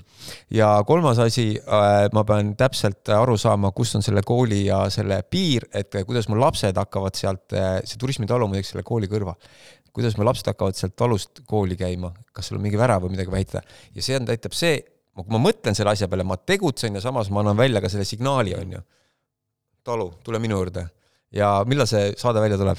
märtsi keskel pakun praegu sihuke teise nädala alguses lõpp. vot, selle jaoks on asi juba väga selge mm. -hmm. nii et see on kihvt vaadata, mis poolteist kuud hakkab saama. see on väga hea, ma vaat-, ma saan seda postitusse kirjutada siis sinna, kas õnnestus õnnestunud. See on eh, huvitav, et sa välja tood selle, ma ei tea, kas sa oled kuulnud siukest ennast nagu Andy Frisella? jaa, mul on isegi ma jälgin teda ja ma olen kuulnud mõnda ta isegi. MFCEO podcast ja Real as fuck podcast. tema, temal on see tööriist, mis on see, mis sa kirjeldad, ma ei tea, kas see nüüd on sul sealt tulnud või see on lihtsalt, läheb sellesse patta, aga ma näen, mis väga võimas tööriist ongi Powerlist. et ei ole mitte to-do list, kus on kolmkümmend asja iga päev teha, siis noh, ükski robot ei tee kolmkümmend asja ära, siis tema on Powerlist, kus on viis asja, mis tuleb ära teha iga päev selleks, et saada liikuda oma, oma eesmärkide suunas. ja need muutuvad iga päev või siis on mingid kindlad asjad, mis on kuuskümmend päeva iga päev olemas, et sellest tekiks harjumus ja siis ta vahetab välja selle. jaa, aga, ja need viis asja ongi see, minul on need, noh, tavaliselt on isegi rohkem, aga need on see, et mis iganes ei juhtu, need asjad sa pead ära tegema.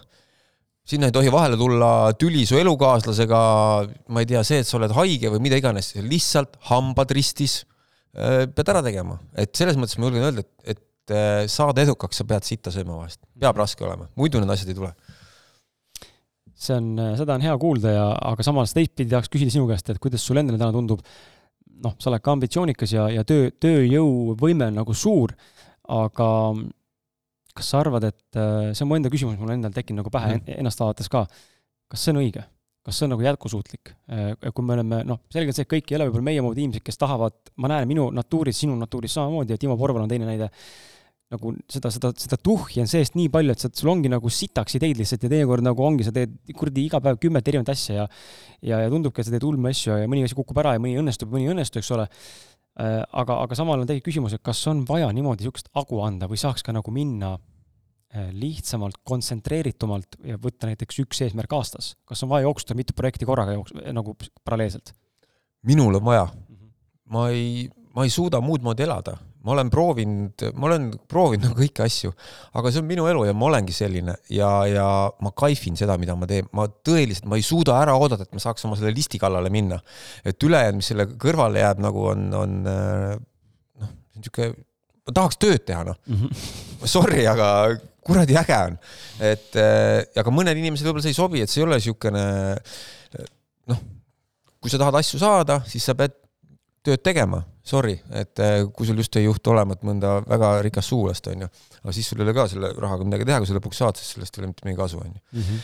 et äh, ma olen selline ja jube kihvt oli, ma just käisin, Marju Karin, kes on tegelikult mul noh, kuidas ma ütlen? Te olete üsna lähedased, mulle tundub. me oleme jaa, jah, me päris lähedased ja me, mulle meeldib nagu tegelikult, kes, kellel on nagu võimalust ja kes oskab natukene kuulata neid lugusid, mida ta räägib, ta on käinud ju sinuga podcast'is, oli väga-väga super intekas.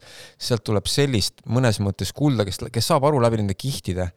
ja ma käisin Marju juures just, me jõime kaks pudelit šampanjat ära, arutasime siis, kuidas nagu elu käib tegelikult ja ja ma ütlesin ka, ma ütlesin ka, et tead, mul on kogu aeg niisugune, noh, öeldakse selle kohta ärevus või noh, niisugune. sügeleb kogu aeg. sügeleb tahaks mm -hmm. teha. kuidas ma sellest lahti saan? ma ütlesin, et lollakas sa oled või?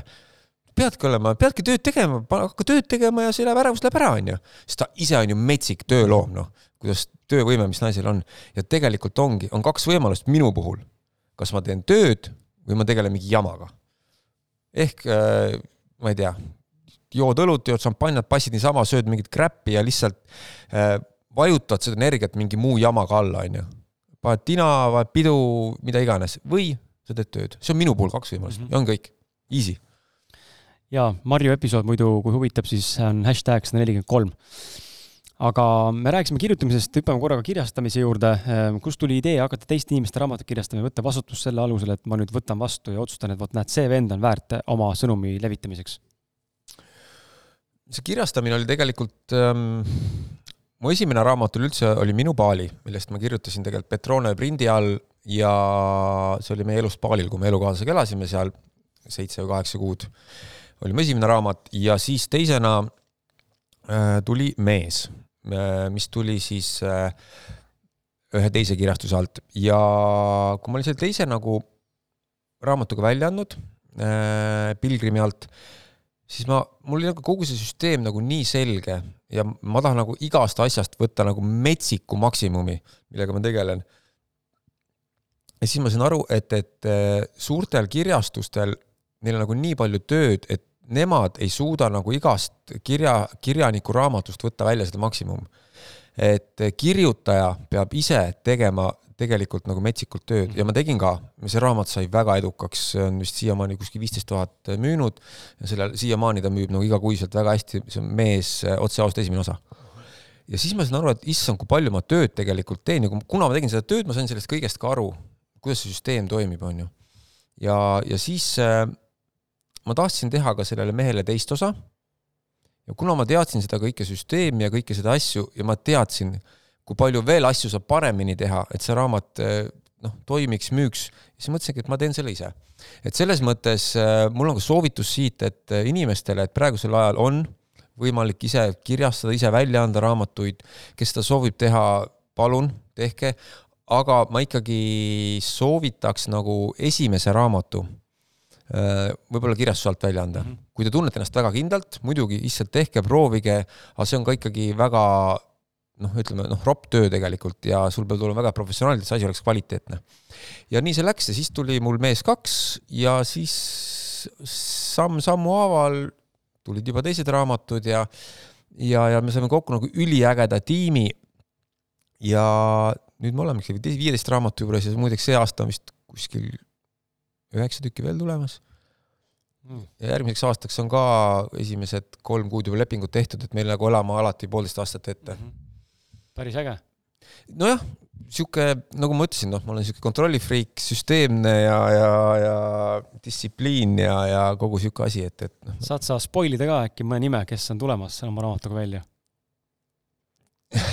kes täna veel veebruaris, veebruari seisuga ei ole väljas, kes on tulemas? veebruari seisuga väljas ei ole, no ma arvan, mis nüüd lööb laineid, mis tuleb märtsi lõpus, mis tuleb väga vastuoluline, tuleb äh, William Kovali mm -hmm. raamat, kes on siin väga-väga kõvasti viimasel ajal ühiskonda raputanud ja lainetanud ja tema, tema kirjutab nüüd Meessarja raamatu ja alapealkirjaga Maskiga või maskita mm. -hmm. see on juba hea pealkiri juba no see on niisugune kahemõtteline pealkiri, aga see tekst on eh, praegu kujundamisel ja küljendamisel ja raamat on tegemisel, et see, see tuleb nagu ma arvan, niisugune mõnus, täpselt meie kirjastuse teema väga hea, sest et ma olen eh, mõelnud Williamit saatesse kutsuda ka, nii et me saame siis äkki eh, ühendada mõlemad. muidugi. et äh, väga äge väga äge. Ehm, yes Tribe, lähme korraks brändi ehitamise juurde, sul on reaalselt kaubamärk Yes Tribe, mille alla siis kuuluvad, nagu juba enne räägitud oli, siis Yes kirjastus, Yes podcast, Yes Sandwich Studio, Yes Beach Houses ja Yes Design. mis asi on Yes Beach Houses ja mis asi on Yes Design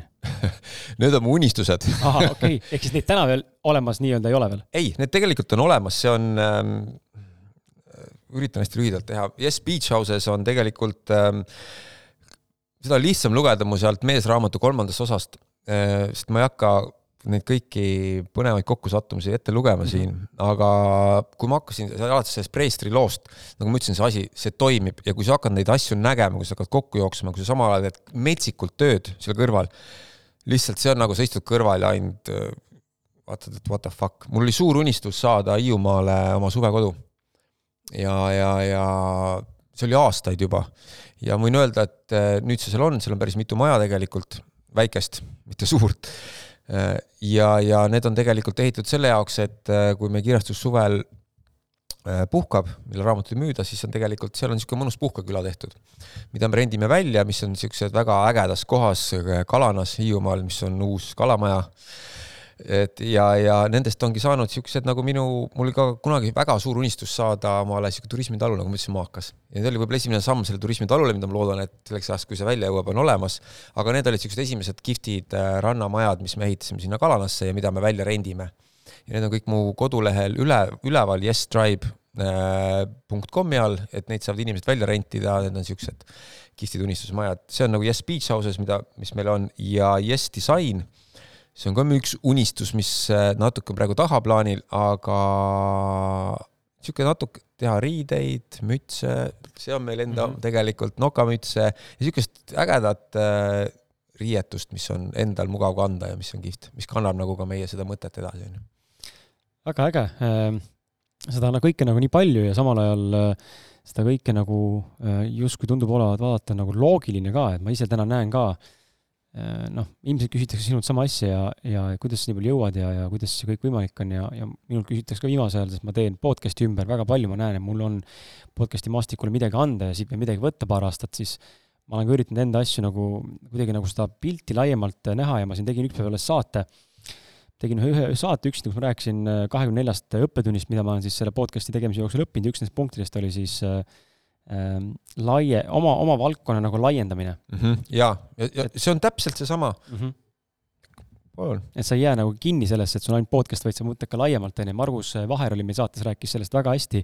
sealt mu klikkas ära, et aa, pole ka ainuke vend, kes niimoodi nagu mõtleb, et see on tegelikult täiesti loogiline. ta ütles väga lause, et kõik, mis tema täna teeb oma, oma elus nii-öelda siis, kas need on show'd sinuga, onju, on ta seal muusika, on ta seal mingid saatejuhid, mis iganes veel, kõik on seotud millega? häälega, onju. Mhm. hääle ümber kogu tegevus ja, ja ta lihtsalt, lihtsalt teeb nagu erinevaid asju, aga kõik on seotud tema ühe põhiomadusega, milleks on hääl ja eneseväljendus mm.. ja, ja siis äh, see on nagu hea mõttekoht, ma arvan, inimestele ka, et ärge, ärge mõelge nagu laiemalt ja suuremalt, et ärge vaadake ainult ühte nišivaldkonda, kui sa täna oled, ma ei tea, toitlustaja, siis, siis nagu vaata laiemalt, et võib-olla sa saad lisaks toidu pakkumisele pakkuda ka näiteks majutust, on ju, või ma ei tea, midagi veel, on ju, et nagu, või teeninduskultuuri arendada, et ma ei tea, mis seal olla veel saab, aga vaata nagu suuremat pilti.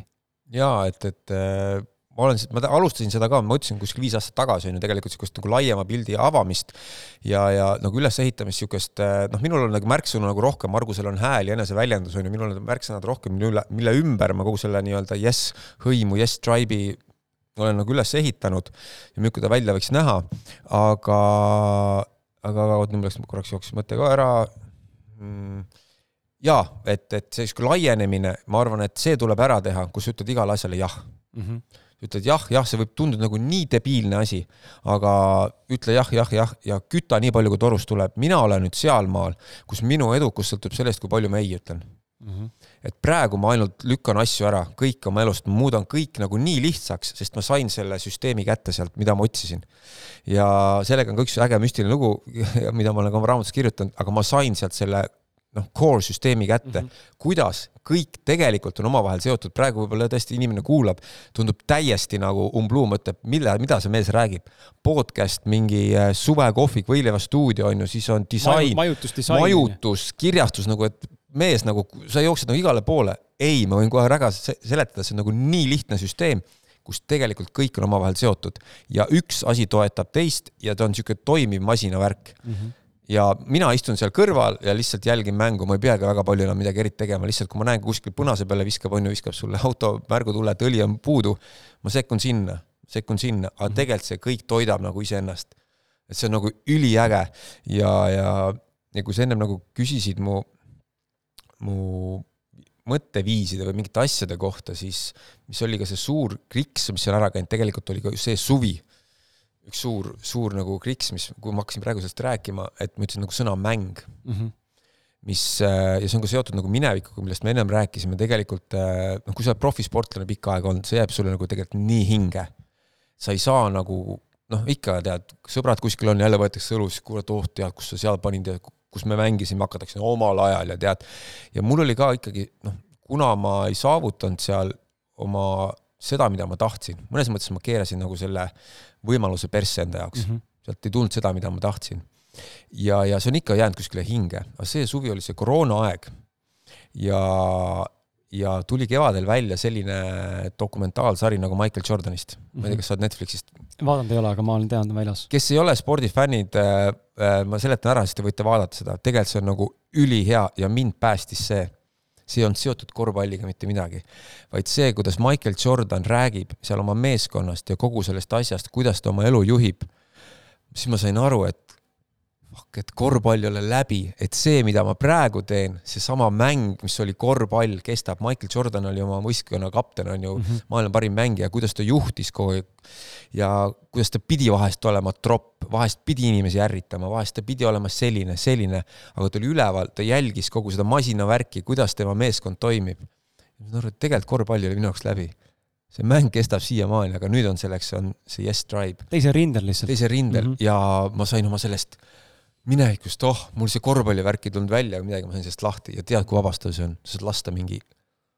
ja nüüd on mul teine võimalus oma elus midagi teha ja seda ma enam pessa ei keera. -hmm. inimesed küsivad, miks sa nii palju tööd teed ja miks sa rabeled ja ütlen, ma olen ühe korra juba oma nii-öelda asja metsa keeranud, teist korda seda ma ei tee. nii et never gonna give up mm. -hmm. väga äge, seda on äh, inspireeriv kuulata, sest ma samastun sellega ja, ja täiesti saan sinust aru brändi äh, loomise juurde ma tahaks ähm, küsida sellise küsimuse, mis inimesi kindlasti huvitab, me oleme sellest, äh, meil tuleb siin kohe-kohe. Veebruari lõpus tuleb välja mm, bränd nimega Sina naistega. sa ju tead seda raamatut ka ilmselt, bränd nimega Sina, Olesja Saue ja Evelin Org on niisuguse raamatu kirjutanud. Äh, kaks. Äh, jaa, ma olen näinud neid. Äh, no ja, üsna aktiivselt on sotsiaalmeedias. jaa, sotsiaalmeedias. päris jõuliselt on see raamat läinud välja, isegi nüüd on inglise keeles olemas ja isegi saavutasid Amazoni mingi bestseller, mingi tiitli business'i kategoorias et äh, on selle üles ehitanud, selle raamatu brändi ehitamisel ja nendega rääkisime ka personaalsest brändist ja, ja üldse ettevõtte brändist, üldse brändiks olemisest ja selge on see, et me täna oleme igaüks iseenda bränd, tahame või mitte, isegi kui ma olen diivanil, vaatan televiisorit ja söön jäätist ja joon õlle, siis ma olen ka bränd. Tahan või mitte, onju, et mis on sinu küsi-, küsimus sulle on see, kuidas teadlikult kujundada ja ehitada oma brändi, millistele fundamentaalsetele asjadele või tõekspidamistele või väärtustele oled sina enda Tribe'i täna rajanud? Ja milliseid soovitusi inimestele anda, kui keegi tahab hakata täna nüüd teadlikult kujundama seda, milline ta nii-öelda siis nagu maailmale välja näeb? lihtne on see, see, ole sina ise, on ju äh, noh, minu puhul oli see võib-olla noh, see natuke pikem teekond, aga nüüd on nagu jube lihtne, et noh, ma saan kõik, kõik selle sulamula nagu välja, kõrvale visata ja öeldagi nagu ühe lausega seda asja. et aga pikemalt seletades, et äh, väga lihtsalt, ma viis või kuus aastat tagasi mõtlesin väga selgelt enda jaoks välja, millist elu ma elada tahan. väga selgelt. Ja siis ma hakkasin päev päeval seda üles ehitama päev päeva haaval ja see on võtnud aega, nüüd ongi kuskil kuus-seitse aastat on ju, nüüd ma olen niisugune, et no kuskil hakkan vaikselt, hakkab midagi tulema. kas sa panid kirja ka või, või see on kõik ikkagi visua-, ainult visuaalis? ei, mul on väga täpselt kirjas mm. -hmm. mul on nagu väga-väga täpselt, mul on telefonis niisugune nimekiri, et, et aga anna soovitust, ma küsin nüüd puhtalt enda, enda seisukohast, sest et ma olen ma olen selle visu-, visuaali-, visualiseerimise ja sellise visuaalse manifestatsiooni on paariks aastaks nagu ära kaotanud ma räägin mm., ma olin üsna sügavas augus mingis põhjuses, kukkusin sinna täiega. nägin, et mul ei olnud unistusi enam, ma ei tahtnud elada, ma olen, no ma olen ka sotsiaalne introvert, selles mõttes ma võin ju vabalt sinuga suhelda siin ja seltskonnas olla ja esineda, aga tegelikult ma tahan olla vait ja üksinda. Äh, või oma perega, mind ei, mind ei koti mitte miski, ma tahan oma asja teha, on kõik ja minuga on samamoodi, ma olen samasugune. ma võin olla väliselt okei okay,, vaata, et su vend on ekstrovert, teeb nalja, värki, jah, kihvt, aga nagu ma olen, olen võimeline lihtsalt selle nagu maski ette panema, et ma olen, tegelikult ma tahaks vaikust. ja mida ma olen näinud, ongi see, et äh, ei olnud see, et ma olen nagu depressiivne, noh, võib-olla olin ka, aga mitte ma oleks nagu elu, elust nagu lõpetanud nagu elamise või nagu selle mm, tahtmise elada.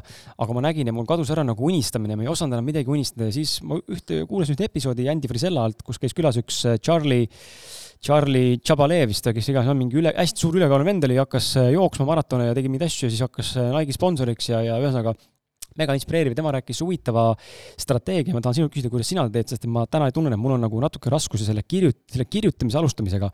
ta soovitas äh, mõelda endale välja karakter, kes sa tahad olla. Sinu karakter, tegelaskuju selles mängus, on ju, käid täis detailsuses, mis sa tahad teha, milline sa oled, Paul Ka, on ju.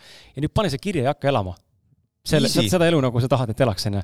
aga nüüd on küsimus, kuidas sa seda kirjutad, ma olen nagu selles mõttes, võib-olla, võib-olla see on nagu ebaoluline, aga ma tunnen, ma olen nagu see haige, haige inimene, selles mõttes nagu debiilike siia kohati, et ma ei saa minna, saad aru, mul on nagu pseudoasi, ma ei saa alustada, ma ei saa alustada elu kujundamist näiteks, kui mul on eesmärk ja ma tahan seda kirja panna, onju. mul on eesmärk, ma tahan seda kirja panna ja ma pole teinud, siis ma ei suuda seda hakata elama, sest ma, ma tunnen, mind häirib see, et see, see kirjutamise samm on tegemata ja täna mul on tropp ees siin, ma ei oska kirjutada lahti seda. kuidas sina kirjutad? Kuidas sa nagu, kas sa oled pannud kavapunktidena äh, või, või nagu reaalselt täislausetega mingi tekstiga või, või kuidas, kuidas sa oled üles ehitanud selle enda visuaali, mida sa täna järgid? lihtne, ma võtsin telefoni ja kirjutasin äh, maja Hiiumaal Kalanas mm -hmm. ja kõik. ja sa mõtled selle peale iga päev ja siis tekib see kolme punkti asi, nii, maja Hiiumaal Kalanas, kasvõi see, tee see kuradi kv.ee mm -hmm. lahti, vaata, mis pakutakse, okei okay näed, leiad midagi, nii, okei okay,, palju maksab, nii, nüüd mul on vaja seda raha kuskilt saada. ja see, ja see kogu aeg hommikust õhtuni teed tööd selle nimel. ma räägingi nüüd nagu töö tegemisest, see ei tähenda seda, et sa pead kuradi traktoriga sõitma, siit arg käes kuradi hommikust õhtuni füüsilist tööd tegema. ei, noh, need ajad on nagu heas mõttes, kui sa ei ole just põllumees ja sa ei tea, sulle ei meeldi seda teha, need ajad, sa ei pea kuradi füüsilist tööd tegema. ka see, et äh, praegusel ongi see, et minnakse ju lahingusse või tööle, sul on läpakas või su aju, see on töö, kui sa mõtled ähm,. kõige ägedam on see, kui sa mõtled selle peale siis need asjad hakkavad ka su ellu ilmuma ja sa hakkad nägema, tegelikult iga seosetu asja vahel on seos. aga kui sa nende asjadega nagu ei tegele iga päev, sa ei näe neid elu sees, mismoodi võib olla mingi maja või kuskil mingi unistus seotud äh, podcast'i tegemisega või mida iganes. Äh, kõige tähtsam on see, et hoida nagu vaba, et sa lased vaba, et asjad võiks juhtuda sinuga. samas nagu mõelda selle peale ja see on, tegelikult see on nii, kõik on lihtne, kirjuta üles, mida sa tahad täpselt ja iga päev tee selle jaoks midagi, easy. ja tööd. ja ma eeldan, et ka sul on sama, et sa ei pea teadma alguses kohe kõiki detaile ja kõiki samme ette. sa ei tohigi, sa ei teagi, never ever äh, ma olen ka igasuguseid projekte teinud, ma olen igasuguste gruppidega igast asju tahtnud luua ja ma olen käinud nende kuradi koosolekutel, kus kuradi joonistatakse neid jooniseid, ma ei tea, kolm kuud ette, mis hakkab juhtuma ja kui esimene asi läheb persse, siis on kõik, noh, siis on see mhm. viimase kuu aja koosolekud on null, onju. ja praegu on niimoodi, et ka, et noh, et me loome kooli, ma ehitan seda inspiratsioonitalu, mu kirjastus, kõik, ma tean, mis järgmine samm on. peale seda ma ei tea, mis hakkab juhtuma. Sorry, kes mu kirjutajad kõik kuulavad, ma ei tea, mis teist saab. aga step by step ja, ja see on minu jaoks toiminud ja siis on ka lihtne, sa saad oma laeva keerata jube kiirelt, sest sul pole edasi plaane mm. -hmm. et, et sellepärast ma olen ka igasugused koosolekud ja kõik siuksed asjad tahaks kuidagi oksendada, noh. minu jaoks on see nagu kõige hullem asi, kus arutatakse, oi, mis meil hakkab kolme kuu pärast juhtuma, onju. et eh, tegelikult see on lihtne see sinu äh, raamatuid, äh, tuleme korra sinu kirjastuse ja sinu raamatute juurde, siis sa tõid mulle täna siia ka mõned lasteraamatud ja sul on tegelikult, me ütlesime viisteist raamatut, võib-olla ma eksisin numbriga, aga ütleme kuskil ligikaudu sinna see kant mm. täna on mm räägi, mis ma nagu olen netis, netis näinud ja ise ka mõelnud samamoodi. võime, võime tuua ka kõrvale nagu tegelikult üldse su tege, erinevad tegemised, mida ma olen nagu jälginud, Yes podcast kindlasti saab tuua siia kõrvale lisaks raamatutele. et mis on see sinu fenomen? miks see raisk müüb? selles mõttes nagu, et miks see müüb ja, ja, ja ma saan, ma saan, okei okay,, ma saan aru, et ühtepidi sa tegelikult ütlesid välja alguses ühe enda sal-, core saladuse, core value nii-öelda, on see, et tuua seda äh, nii-öelda siis noh, mitte vastuolu, aga controversial'it nii-öelda sisse, eks inglise keeles on võib-olla parem sõna et ähm, kas sa oled jälginud seda ka näiteks Yes podcast'i puhul saatekülalisi valides või, või kuidas, või raamatut müües, et mis, kui inimene täna vaatab, mõtleb, et kuidas on see võimalik, et Jesper on kogu aeg kuskil tipus, täna su mees üks ikka endiselt müüb, onju, vaatasin hiljuti läksin raamatupoodi, minu raamat tuli välja ka, ma ei ole kuskil topis, onju, perse küll, onju. Äh, aga sina oma Sünne Valtriga oled juba jälle topis, onju, et äh, mis kuradi valemiga ja, ja mida sa nagu teed siis teistmoodi, mida täna inimesed, kes võib-olla sinuga konkureerivad, võib-olla sa ei taha öelda, onju, aga mida, mida oskad inimestele soovitada, kui inimesed tahavad jõuda tippu, mis on sinu nagu need kindlad niisugused nagu kriteeriumid, sammu, mida sa jälgid, mis toovad alati tulemusi. nui neljaks, nad toovad tulemusi. või, või see on ikkagi väga individuaalne, väga, väga spontaanne ja kujunev ja sõltuvad projektist? või see on lihtsalt sinus endas? no üks suur märksõna, mis ta noh, nagu ma olen ka raamatu taha kirjutanud, et äh, kõik inimesed äh, noh, kes on vahest nagu mind esimest korda näinud või ütlevad, mis mees sa oled, mis tahad olla, ma ei tea, kas õpetaja või jumal või, või inspireerija või et mida iganes, mida iganes, et mis see sõna on, ma ütlesin ei, et ma ei ole absoluutselt, ma ei ole mingi psühholoog, ma ei ole suhteterapeut, ma ei ole mitte mida, kindlasti ei, ei. minu ainuke ülesanne kogu nende, läbi nende tegevuste on süstida inimestele julgust ja mis tähendab julgust, julgust eksida, julgust asju persse keerata, julgust äh, selle, ja ka pärast seda, kui sa oled eksinud, neid vastutust võtta selle eest ja öelda, et sorry, oli jama, onju. ja ma arvan, kõik need tegevused ja kõik need, ka need raamatud, mis meil on tulnud, need on ähm,, ma arvan, nüüd vist tuleb või kas on üks või kaks raamatut äh, on sellised, mida, mille kirjutaja on ennem ka raamatu kirjutanud et äh, me oleme võtnud, otsinud neid inimesi, just äh, siukseid tavalisi inimesi ägeda looga, mitte nagu ägedad inimesed tavalise looga, sest et noh, ma olen ise lugenud nagu ka neid igast elulugust kõiki, mind ajab nagu, ma ei suutnud enam lugeda üks hetk kui see, et jaa, ja seal juhtus üks äge asi ja siis ma tundsin seda, aga ma ei saa öelda, noh, et, et noh, ei ole nagu ilus mm. -hmm. et ma arvan, see aeg on nagu läbi, et äh, kogu see maailm nagu läheb äh, sinna nii-öelda ongi see mille järgi meid tuntakse otse ausalt mm. -hmm. sest praegu ei ole võimalik enam mingit paska ajada. sotsiaalmeedia, sa oled igal pool, kui sa ajad mingit jama või jura ja sa ei räägi nagu päriselt seda. see on läbi näha.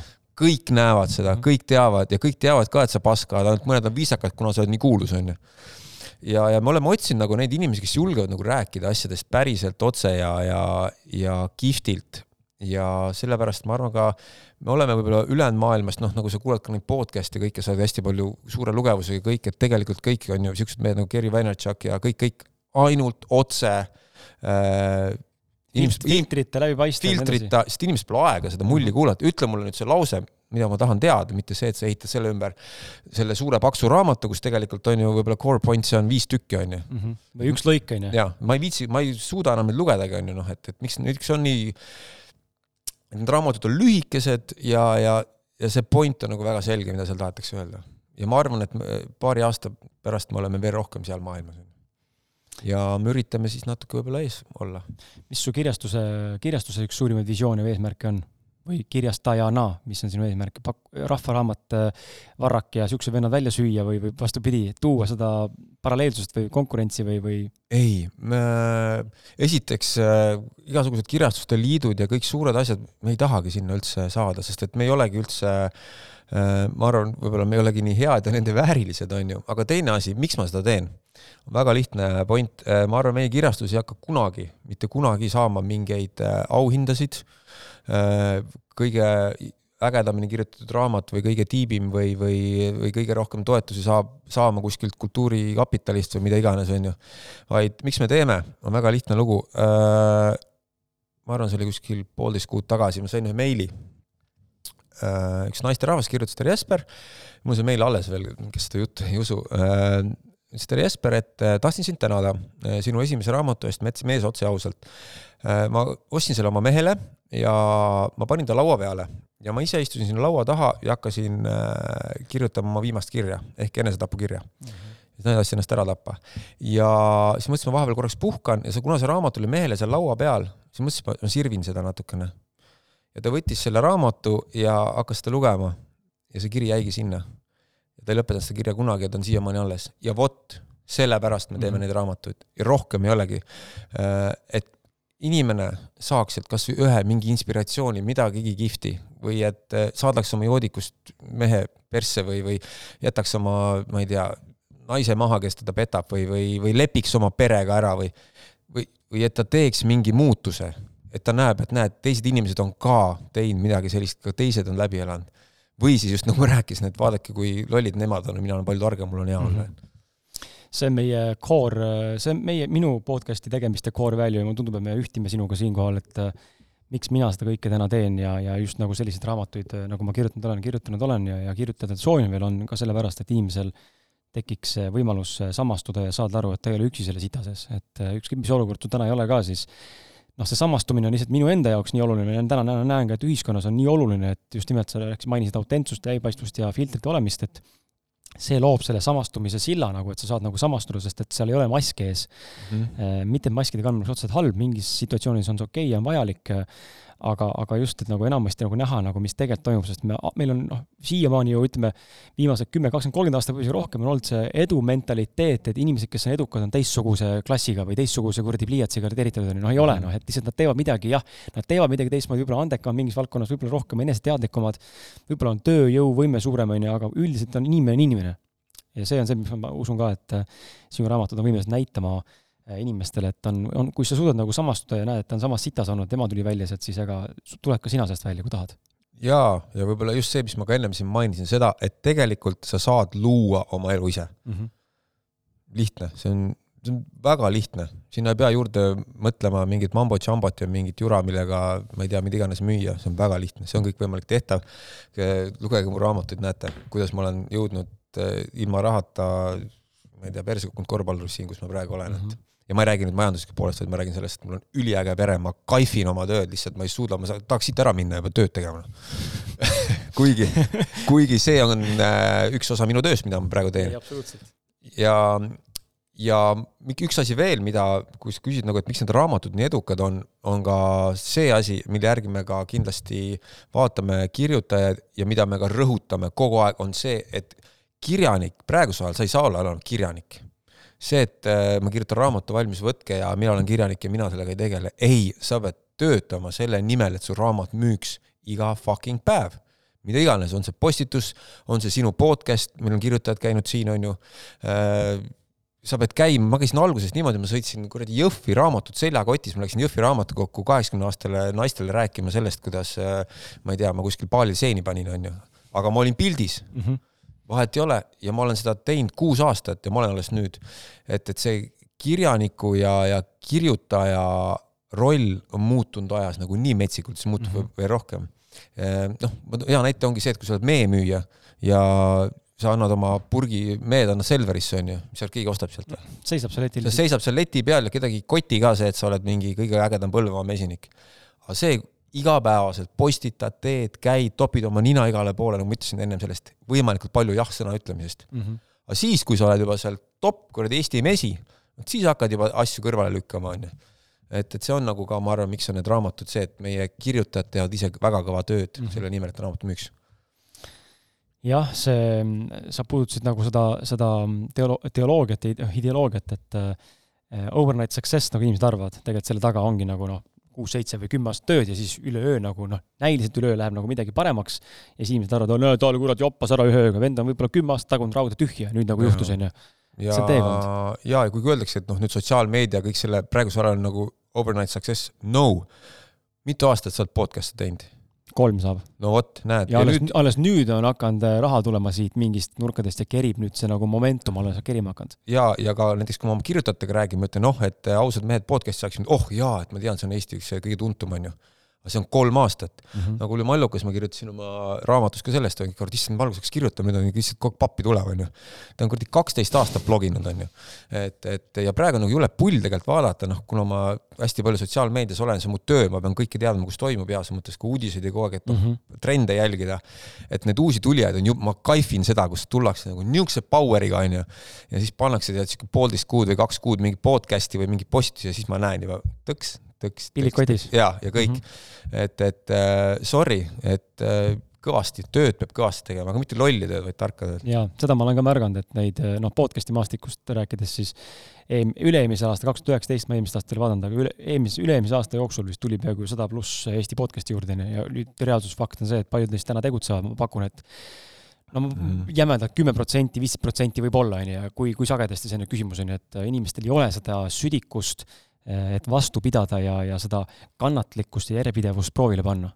aga see on see, mis on nagu hädavajalik. no vot, tänu sellele oled sa seal, kus sa oled praegu, sa paned üles oma podcast'i ajad, kurat, sul on mailbox on punane. sa pead ja, ära ütlema, sa oled mulle ka mitu tükki ära öelnud, onju. aga see on hea koht, kus olla, onju. absoluutselt ja huvitav on, ma arvan, ka sinu puhul ja üldse kuulaja kuulab, huvitav ongi, minul vähemalt tekitab samamoodi seda ambitsiooni, et vot vahepeal on niisugune tunne, et äkki enam ei tee, onju, nagu nii palju teinud juba, aga samal ajal mul see sees see drive, et perse ma tahaks näha kus ma olen, kui ma olen teinud kümme aastat podcast'i, kus ma siis olen, paljud meist alles veel on, nagu mina olen, kus mm -hmm. te mhm. olete -hmm. et nagu mis siis muutunud on, mis siis elu nagu on, et igal juhul ma arvan, et kui kuulaja meid kuulab, siis äh, mingist aastast või mingist tege-, tegutsemise nagu perioodist, siis elu hakkab seda valdkonda nagu toetama, pole võimalik, et sa teed midagi kümme aastat ja midagi ei muutunud, siis sa teed kas vale asju või sa oled lausidioot, on ju, aga noh, midagi peab muutuma hakkama. jaa, ma isegi ütleks, tee aasta või kaks veel mm, -hmm. sa näed, siis on ju ka sa oled praegu nagu juba väga õigel teel, kui mina juba palusin, please, please võta mind sinna. nii et kõik võtab aega, ei ole niisugust asja nagu overnight success, sorry äh,. ma toon sisse selle klassikalise küsimuse, millele on ehitanud ka sinu äh, koos trio nii-öelda siis selline eh, saateformaat, mida mehed tegelikult tahavad. Ehm, Jesper, räägi, mida mehed, eh, üldiselt rääkida siis selles kontekstis, mida sina täna arvad, mida mehed tahavad ja läbi võib-olla Margus ja Eero arusaamise, aga samal ajal küsimus sulle, mida sina mehena tegelikult elult ja, ja naiselt tahad? vot nüüd me jõuamegi tegelikult, see oli väga äge küsimus sul tegelikult, me jõuamegi nüüd sinna nagu, mis on meil see yes tribe või noh, yes hõim on ju, mis selle mis selle point on või miks see sai tehtud ka, et, et ma tahtsingi nagu sinna alla siis nii-öelda koondada kõik need asjad, mida mina tegelikult elu tahan. mis on see, et ma kujutasin, ise saab oma elu luua. ja mul nagu mõned märksõnad, mis ma olen tegelikult läbi aastate enda jaoks üles kirjutanud, äh, et iga tegevus, ükstapuha, mis see on, äh, keegi kutsub mind kuskile podcast'i külla, ma pean, kas ma võtan selle pakkumise vastu, ma lasen alati endast sõnadest selle läbi ja kui ta sinna läheb, siis ma teen seda, kui ei, sorry, et siis ma loen need sõnad ette, see on äh, vabadus, minu jaoks isadus, see võib olla naiste jaoks emadus, et siin võib olla, noh, see mõlemale sugupoolele, äh, kaaslane, elukaaslane, äh, pere minu jaoks, inspiratsioon, elurõõm. vot see on nagu minu jaoks väga-väga tähtis. ausus, seiklus, tervis, areng, lihtne elu, sisetunne tark raha tegemine ja viimane elu nautimine. et äh, kui kõik mu tegevused, kui me räägime ka siin noh, kirjastamisest, see käib siit kõigist läbi, minu jaoks on totaalselt inspireeriv see, ma naudin seda tööd, mida ma teen, noh, on ju. me räägime oma, nüüd tuleb, ah, märtsis tuleb see välja, siis me saame, oleme välja hõiganud, tuleb üks väga äge võib-olla söögikoht meil avame, mis on S Võileiva stuudio. jälle elu nautimine see käib kõik sinna alla, on ju, siis on meil podcast, mida ma teen, on väga ägedad inimesed, kõik, mis mulle meeldib. Äh, mu see suvemajade tegemine, see on nagu üliäge, on ju, ja, ja ka see disain ja kõik muud asjad. et kõik see moodustab niisuguse ühtse terviku, aga see peab sobituma siia, kõik, mis jääb väljapoole, no. ja minu jaoks ongi see no, see sõna ei on nagu praegu nagu nii tähtis. No et kuna mul on ka on ju kaks väikest last veel ja elukaaslane ja kõik, kõik, et mu elu ei keerle nagu ainult selle ümber see on väga, vaata see ei ütlemine on ühtepidi oskus, teistpidi julgus. enamik ei julge öelda ei, ei oska öelda ei ähm, ka ebameeldivatele olukordadele või kogemustele, on ju, me oleme siin sinu raamatusest väga palju näinud, kuidas inimesi kas siis naisterahvad vägistatakse või, või meesterahvastega midagi muud, on ju küsimus on, et kuidas tänaseid kuulajaid panna mõtlema selle peale, et osata, juleta öelda ei, et miks noh, sa oled küll natuke rääkinud sellest, aga, aga inimestel ei ole seda sees nagu. Isegi kui me oleme mingis olukorras, toome näite, me oleme kuskil seltskonnas sinuga, hea kuulaja võib-olla on ka meiega koos seltskonnas, ja siis kindlasti oleme kogenud neid kogemusi, kus me tunneme, et türa, ma ei taha siin olla. või nagu ma ei taha sinna minna, aga, aga nagu mingisugune obligation või kohustus nagu justkui nagu surub, eks ole, kuigi me ei ole millekski kohustatud, aga sa nagu näiliselt nagu pead nagu minema, aga tegelikult ei taha, on ju. kuidas siis nagu selles olukorras nagu ennast kehtestada, et ei, ma ei tule ja jääda niimoodi, et inimene saab sinust aru, et see on sinu valik ja ta ei peaks nagu solvuma, muidugi meie enda reageering on meie otsustada, kas keegi solvub või mitte, aga aga kuidas õpetada inimestele või nagu julgustada inimesi ütlema rohkem ei mm., kui nad kardavad? vot seal üks, üks point oli see, et mingist eluhetkest sa pead hakkama seda, okei okay, mm -hmm., muidugi noh, et kui sa, nagu sa rääkisid seal mingitest, ma ei tea, mis viimasel ajal on juhtunud, igast vägistamist, igast jamad, mingid asjad on ikka eluaegsed ei-d, aga mingi hetk, äh, sorry, sa pead käima kuskil seltskonnas, kus sa tegelikult ei taha minna sorry, sa pead kuskile telesse, saatesse võib-olla minna, kus sa ei tahaks minna, sorry, sa pead seda tegema, kui sa tahad saada oma seda, ma ei tea, seda maja kalanas või mis, mis iganes su unistused on, aga seal tuleb ära tunda see hetk, millal see jaa, edukus tähendab, edukuse saavutamine, jaa muutub eiks. see on nagu väga tähtis, sest et äh, kui sa kütad seda jaad, jaad, jaad, jaad, jaad, lõpuks ongi see, et sul noh, ei jäägi mitte midagi aga ma arvan, mina sain sellest äh, ei ütlemisest nagu selle julguse, väga hea proov, mida sa pead noorest peast proovida, oli see, kui ma käisin ülikoolis. Äh, ma õppisin rahvusvahelisi suhteid ja mul oli endale, siis ma sain just selle raamatu Ärge muretse, hakake elama, mis nagu mul esimesed siuksed nagu, et oo oh,, vau, et ma nagu saan ise mingeid asju nagu kontrollida. oli see, mis oli loengus ja kui see oli nii igav loeng ja sitt loeng, mul midagi andnud, ma sundisin ennast sealt minema ära. ja see, kes te käite ülikoolis või koolis praegu, kui nagu tõesti, see on nagu täiesti mõttetu jura, siis see on hea proov teile kogu selle, tõuse püsti kogu selle, eriti hea, kui tool veel niimoodi kriuksub ka, kogu selle publiku ees ja ka õpetaja ees ja mine astu sealt uksest välja. vot hakka sellest peale. Ja siis, kui sa selle ära teed juba nii-öelda üliõpilasena, siis sealt on juba edasi juba palju lihtsam ma olen sinuga nõus, et äh, ma seda, ma ise sain seda kogeda gümnaasiumis, ma küll ei, tähendab, ma, ma kohe, tähendab, ma rõhutan, et me kumbki Jesperiga ei soovita, et ole nüüd türann ja võitle nagu süsteemi vastu või keera midagi perse. aga just, et kui sa tunned, et see sind ei kõneta ja minul oli see juba gümnaasiumi ajal, et ma tundsin, et mul lihtsalt ei sobi mingid asjad ja ma kõndisin minema ja see tunne, kui sa tõused püsti, natuke on niisugune ärevus ja selline ka, et umbes mida minust arvatakse ja äkki ma saan riied, äkki saan märkuse, äkki saan üldse käskkiri, onju. aga sa teed seda, mis tundub sulle täna nagu sina. no, no sa ei saa endale valetada enam siis see on nagu hästi julgustav ja teistpidi annab ka sellist nagu, et noh, annab ka sellist nagu, et fuck, ma olen kurat, ma tean, kes ma olen, ma ei ja. pea seda jura taluma. no ja pärast lihtsam kuskilt peolt ära minna on kümme korda lihtsam. või kuskilt saatest ütled, et kuule, ma ei viitsi siin olla, tead, mingi mm -hmm. metsa laivis on ju. vot see oleks eriti nagu eriti. ma ei viitsi olla siin, et sorry äh, see oleks nagu eriti cool, aga noh, niisugune step by step, et selles mõttes ei pea mõtlema nagu, et, et äh, mida nagu räägiti varem, et kui sa kolmekümneselt või neljakümneselt või viiekümneselt ei ole nagu oma elus mingeid asju saavutanud, sa ei saavuta ka noh, et, et äh, mul räägiti ülikoolis seda noh, sealt loengust ma läksin kohe minema kohe sealt, see oli, ma arvan, et see kuradi õppejõud on ise saavutanud oma asju sealt eluks, sest mina alustasin oma elu kolmekümneselt täiesti nullist. seda on võimalik teha ka neljakümneselt, seda on võimalik ka viiekümneselt, seda on ka kuuekümneselt isegi seitsmekümneselt kasvõi nii, et sa oled eluaeg joonud, jäta joomine maha, vaata, mis eluga juhtub, on ju. seda sa võid ka seitsmekümneselt teha. et, et see oli kunagine, ma ei tea, mingi talupoegade jutt, kui inimesed elasid neljakümne aastaseks, siis oli niimoodi, et kui sa kahekümne viieselt pole oma mingeid asju teinud, et siis sa sured varsti. ja, ja, ja nüüd inimesed elavad ikkagi saja aastaseni, et, et võtke rahulikult, aega on, aga tehke igapäevaselt tööd, ei tähenda seda, et labida haamriga, vaid peaga. Ehm, me rääkisime korra siin sellest, et ehm, mida mehed tegelikult tahavad, mida sina tegelikult tahad no., ähm, siis ähm, ma toon siia kõrvale küsimuse juurde, et kuidas olla hea mees oma naisele. et äh, suhe on, suhe on küll lai teema ja täna me seda võib-olla siin äh, päris lõpuni detailidesse võtta ei jõuagi, aga kuidas olla hea mees ja hea isa ja, ja kuidas nagu leida tasa, tasakaalu siis iseenda ja pere ja oma tegemiste vahel? tead, see on, ma teen hästi lühidalt mm. -hmm. Ma, ma ei oskaks nagu öelda ka, kuidas olla nii-öelda, ma ei tea, kellelegi teisele või kuidas suhteid parandada, et ma ei ole nagu terapeut, aga mul on nagu niisugune põhimõte, et äh, mina pean olema sama õnnelik siis, kui ma olen naisega koos või kui ma ei ole temaga koos. et mõnes mõttes peab mul olema tast ükskõik. ja samamoodi peab ka naisel olema.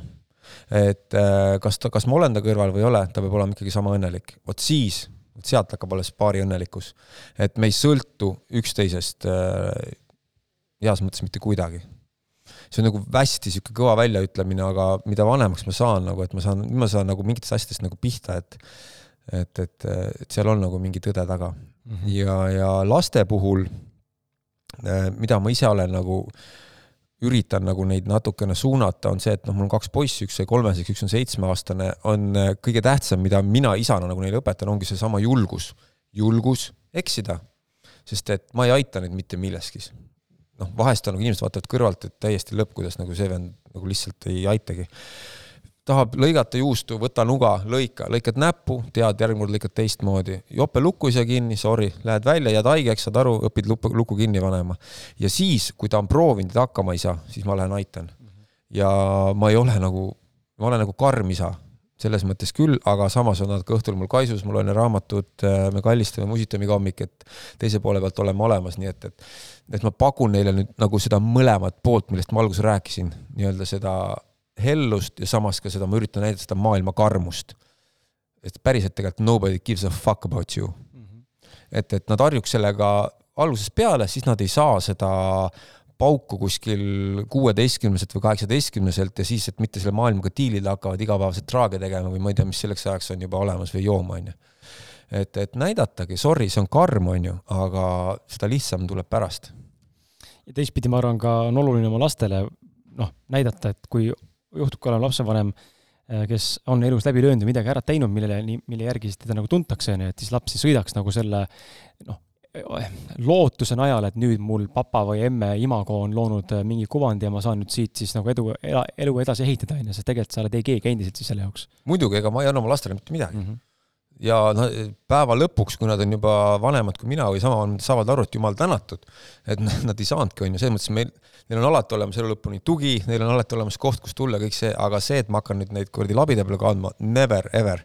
et see on nagu niisugune asi, mida ma ei, ma ei, ma ei tahaks kunagi oma lastele teha, on ju. ja teine asi on veel see, mida ka mingi hetk ma hakkasin ise tegema oma lastele ja ma sain sellest õnneks aru, on see, et äh, hakata rääkima või nende elu mõjutama nagu sellega, mis kunagi oli.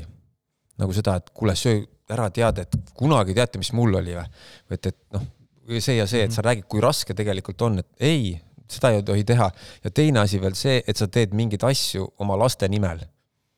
See on nagu ka veel nagu totaalne debiilsus, noh, sest et enamasti nendel lastel on jumala pohhui sellest kümne aasta pärast see, mida sa oled täna ohverdanud. mida täna ohverdanud, ütleb, mis asja sa lihtsalt kuradi rabelesid seal tööl, sind polnud õhtul kodus ja siis, et selle jaoks, et mulle mingit kuradi maja ehitada, mul on jumala pohhui raisk, ma lähen üürin seal ühe korterist, ühetoalist korterit või ma elan üldse oma kuradi suvilamajas, mul on seal kümme korda elu, ilusam nagu elu, on ju. et seda, et, et nagu lapsi süüdistada mingites oma mingites äh, ma ei tea, hullustes. valikutes, jah. jaa, valikutes, see on nagu totaalne debiilsus, sest lastel on arvatavasti kümne aasta pärast on see maailm hoopis teinud jumala pohhui su sellest korterist, mida sa talle annad või majast või millestki jah, see on hea, hea point. Äh, tuleme, me natuke saate alguses natuke rääkisime ka sellest ja ma hakkan vaikselt otsa kokku tõmbama, aga äh, sinu suunas on piisavas koguses kirjastajana ja, ja inimesena ka sellist vihkamist, hukkamõistu ja samas ka toetust ja armastust.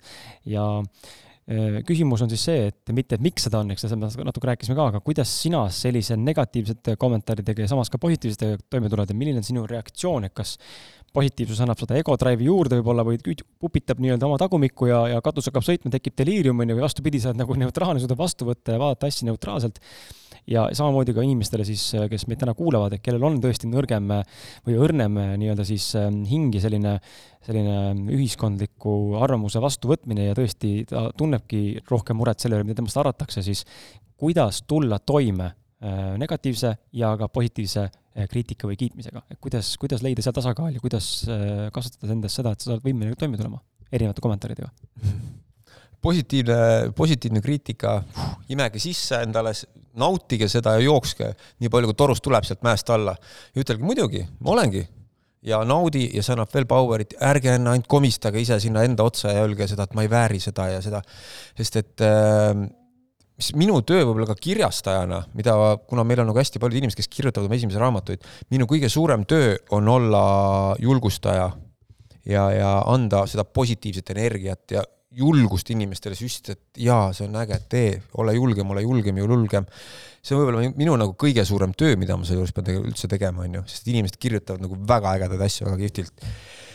ja samamoodi ka ma oma kirjutajatele ütlen, et olen saatnud isegi, et näed, ma saadan nüüd kümme kommentaari, mis minu kohta on avalikult igale poole saadetud, kui sa need diilid enda kohta ära, siis, siis let's do it, on ju, et sa pead valmis olema selleks, et eh, sind võetakse ette.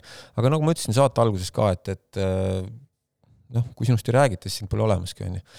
ja, ja sellel on ka nagu lihtne tegelikult, kui me noh, suures pildis võtame reklaam, reklaam, on ju. et äh, me tegime Marju Kariniga siin, me rääkisime oma podcast'is ka ühe ägeda asja, millest ma nüüd võin rääkida, on ju ähm,. teete ühist podcast'i nüüd?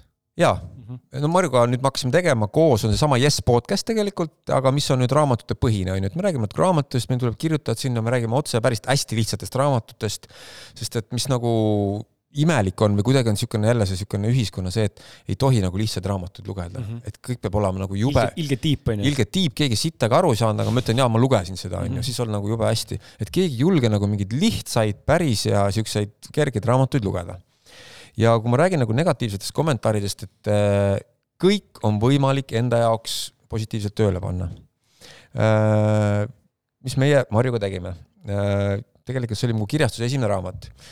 tuli see Mees kaks välja ja see oli mu esimene raamat, mida ma kirjastasin ja tõesti, sellega läks meil nüüd niimoodi, et kuna see läks nii kiireks, seal olid tähtajad, kõik, kõik, kõik, mul olid esitlused kõik ja ma tegin ühe vea, et ma usaldasin ühte inimest, keda ma oleks võib-olla pidanud usaldama nii palju et sinna raamatusse jäid sisse kirjavead. ja, ja sinna jäi neid sisse päris palju ja siis see raamat võeti ette. kuna ma tegin oma uue kirjastuse ja keegi ei taha näha, et tuleb uusi kirjastusi, siis see raamat võeti ette, nii et alates ERR-idest lõpetades ma ei tea, millega see lihtsalt kõik artikleid topeti täis, kui nõme, kui vastik, kui õudne, kui mis kõik, kõik, kõik, kõik see asi on. ja, ja see raamat ei müünud mulle üldse, sest teine osa ja kõik aga nii kui need artiklid välja tulid, mul olid müüginumbrid laes. ja siis mõtlesin, okei okay,, isiklikult oli see fucking valus, sest mm -hmm. mind rebiti kogu Eesti, ma tahtsin teha mingit uut asja, mind rebiti lahti niimoodi, et sa oled täielik tropp, et siukest asja teed. aga kõrvalt ma nägin, et okei okay,, müüb. ja, ja samal ajal siis ma hakkasin uurima, et mis see fenomen nagu, miks see on, on ju. ja samal ajal äh, tuli välja Elon Musk oma uue ideeautoga mm, -hmm. kus ta, tuli see suur see äh, kuradi hall kast ja. hall kast mm, -hmm. mida laval näidati, on ju, ja, ja mida ta siis demonstreeris esimest korda. ja mis oli ülemaailmne ülekanne, on ju, ja siis, siis ta rääkis, et no nii, ja nüüd on meil see, see on kuulikindel klaas ja ma võtan selle palli, on ju, ja see põrkab tagasi ja tal sõber viskas läbi selle akna, aken läks puruks. ja saad aru, kõik fotograafid kohal, üle maailma, iga kuradi Sakala kirjutas ka sellest, noh, kõik olid videod üleval. ja mis oli? Turundus, vend müüs, ma ei tea, kas miljardite või miljonite eest oli eelmüük sellele autole niimoodi, et mees sai null euroga omale niisuguse turunduse. ja kolmas asi veel, kui ma uurisin seda, sihukest asja ja pärast tuli välja, et keegi veel, Elon Musk pole seda välja öelnud, aga arvatakse, tegi meelega seda, et saada seda turundust nii-öelda sest pildis oli auto. ja kolmas asi oli siis Starbucks, seda sa võid ka vaadata, mida teeb, on Starbucks kirjutab kohvitopsidele inimeste nimed valesti mm. -hmm inimest ajab nii närvi, ta võtab selle pildistab, paneb ülesse, vaadake, milli-, mis kirjutati, mis üleval on üle maailma igal pool, Starbucksi logo. ja, ja siis me Marjuga arutasime seda. ja Marju on nii segane ka, sa tead ise, mõtlesime, me peame midagi muud teistmoodi tegema. ja me jätsime sinna meelega vead sisse Marju raamatusse. Marju raamatusse ja siis meil oli juba uus toimetaja, kõik, aga mõtlesime, et okei okay,, Marju, tead, jätame sisse, vaatame, mis saab saad aru, ja nii kui Marju raamat välja tuli, see rebiti niimoodi jälle samamoodi mm -hmm. lahti ja kirja, sa kirjutasid lihtsalt nagu kirjanduskriitikud, nad ei rääkinud raamatus midagi, ainult räägiti kirjavigadest mm, -hmm. jagati, mõnitati, mul on siiamaani need artiklid alles, ma, lõikasin välja kõige hullemad. seal oli isegi nii, et jaga neid artikleid, siis sa tasutad mingit õhtusööki, mul on niisugune suur plakat alles, kus ma olen kõik need välja lõiganud ja ma ütlesin, et ma ei rääkinud sellest mitte kellelegi Marjuga, ja selle aasta alguses tuli välja äh, raamatumüügi edetabel, see oli eelmise aasta Eesti müüdaim raamat. ja kus Marju oli suurelt peal oma raamatuga ja ma lõikasin selle välja, kleepisin sinna selle taha peale mm. -hmm. et äh, see on nagu kõige parem õppevahend, kui ma nüüd lähen kellelegi rääkima, siis ma näitan seda plakatit ja, ja nüüd me ka rääkisime podcast'is sellest, et äh, ka need inimesed, kes tahavad meie vastu negatiivsed olla ja halbu asju rääkida, mõelge enne, kui te hakkate seda tegema, võib-olla me kasutame teid hoopis oma turundustiimina. kas see on tõene, kas see kõik on nii, nagu paistab? sest et äh, minu puhul on ka alati see, kui inimestel tundub, et ma teen ühte asja, tegelikult ma ei, ma ei tee, ma teen hoopis teist asja. võib-olla ma hoopis seal S-Tribe'i sees mängin mingit muud asja. et äh, see tähendab seda, nagu ma ütlesin, tuleb näha seoseid seoseid asjade vahel ja teha oma peaga palju tööd. ja tänu sellele ka, mis me Marju raamatuga tegime, see oli Eesti müüduim raamat, on ju, keegi ei saa aru, mis toimus, mis juhtus. aga näed, see on üks hea näide, nii et ärge kartke negatiivseid asju, need võivad olla hoopis positiivsed mm. -hmm. see on, äh, seal on, meil on saates käinud niisugune vend nagu Andrus Vana, üks äh, spirituaalne niisugune, väga niisugune räägib, räägib oma mingitest asjadest ja ta ütles niisuguse hea lause, mis kunagi meelde jäi mulle, et et see kõik, mis sa näed, ei ole ainult nii mitte kunagi. vaid on ka teistmoodi see taga, onju, et see on täna, meil on täna Covid enne, no mina ise, see on võib-olla minu arvamus, aga mina arvan täna, et seal taustal tegelikult on midagi muud. see on lihtsalt niisugune näiline mask on see Covid äh, viirus onju, noh, võib-olla midagi isegi võib-olla on, aga see, mulle tundub, et see on suitsukate millegi muu jaoks, mis tegelikult taustal tegelikult toimub. ja siis, kui see lõpuks läbi läheb, siis mõtleme, et oo, kuidas me ei näinud seda, sest et tähelepanu suunati mm -hmm. ühte kohta äh, see on, see on huvitav trikk, ma ise sain kogeda esimese raamatu, ebaõnnestunud raamatuga seda, raamatu nimi on Ebaõnnestunud, et raamat ise müüs samamoodi väga hästi aasta kaks tuhat kümme aga see oli kirjavigu täis, mitte teadlikult, jälle -hmm. minu noor lollusest ja, ja inimesi, kes seda siis korda pidi tegema kuidagi, ma ei tea, mis juhtus, aga see on reaalselt on lõike, mis on kirjutatud kokku, noh, niimoodi, et sul nagu okay. polegi tühikuid sõnade vahel, vaid on nagu laused üks jutt, onju. Mhm. et nagu niimoodi see tehtud ja, aga ta müüs, müüs väga jõuliselt, kolme kuuga mingi tuhat kuussada vist päris, päris jõuliselt müüs ja, ja mul tuli ka Eesti Ekspressi kirjutati artikleid, et ära loe punasega ja noh, see kõik on see, mis kohe kutsub ja ära loe, muidugi tahan lugeda, miks ma ei loe, onju. inimesed tegelikult nad ei mõtle, nad tegelikult aitavad oma vihaga sinu edule tegelikult mingil määral kaasa. ja, ja kui siis olenebki nüüd, kui noh, tugev sa oled, on ju, sinu esimene raamat, et tegelikult ma kujutan ette, sa lihtsalt sihuke tunne, et sa tahad lihtsalt järve hüpata. täna on väga, täna on piinlik, et see ilmus, aga kuskilt pidi alustama. aga nüüd sa mõtledki nagu, et ahah, et võib-olla see punane mis toimus, oli tegelikult hoopis on roheline mm. -hmm. ja noh, me saime selle triki ühe korra ära teha, me proovisime ka Illimar Pilt, kes on ka minu arust sinu podcast'is vist. ei ole. ei ole, jaa. me tegime ka Mees nelja raamatuga, sinna jäid mingi, Illimar ise palus veel, ma ütlesin, tead, et me tegime trikke, ei taha, me jätsime sinna sisse, aga see enam ei toiminud, et see ei olnud nagu niisugune uus asi, on ju, ja noh, nüüd me enam, nüüd neid asju enam ei ole mm. -hmm. aga lihtsalt, et see on ka üks äge mõte nagu, et äh, et sa ennem ei saa üldse mitte midagi aru, enne kui sa oled nii-öelda seal viimases noh, voodis ja oled suremas mm, -hmm. et mis see punane tegelikult oli, võib-olla see oli üldse roheline ja sellepärast ei tasu mitte kunagi emotsiooni pealt mitte midagi öelda, mitte midagi mõelda, mitte midagi, sest et nagu sa ütlesid, võib-olla see inimene teeb selle asjaga hoopis midagi muud mm. -hmm võtan äh, viimase küsimuse siia juurde ja siis tõmbame otsad kokku, tund nelikümmend kaks on täis tiksunud. Äh, milline on olnud sinu elu kõige suurem kahetsusväärne tegu või kogemus, mida teeksid täna teisiti, kui üldse on? ma lihtsalt räägin ühe kihvti õppetunni, ma arvan, mis on mulle endale mis mind nagu hullult õpetas ja on seotud mu armsa elukaaslasega ka, äh, kes teavad, võib-olla on selline ehte bränd nagu Kuma, kes nüüd on laienenud metsikult Eesti üks tuntum ehte, ehte brände, kes nüüd teeb kõiki juba teesid, šokolaadi, neil on igast kõik, kõik, kõik, kõik, kõik, kõik väga kihvtilt, neil on metsiku, läheb väga hästi ja neil on mitu, väga palju töötajaid ja väga edukalt. ja kui me elasime kunagi Mariga elasime ühes metsatalus, ma olin vist kolmkümmend kaks või kolmkümmend kolm, me tulime maailmareisilt täitsa hipid, mõtlesime, et kõik on äge, ei olegi vaja süüa midagi ja tegime lumest vett ja ja siis meil lapsi ei olnud veel. ja ühel õhtul siis ma istusin seal laua taga ja kirjutasin midagi ja siis Mari tuli minu juurde, see oli siis üheksa aastat tagasi, kaheksa, tuli minu juurde ja ta oli pannud omale rinda, ta oli vanas, seal oli mingid vanad taluraamat vanast enest välja lõiganud, niisuguse mustvalge liblika, lihtsalt paberi peal nätsuga oli pannud äh, selle haaknõela sinna taha ja olime rinda pannud.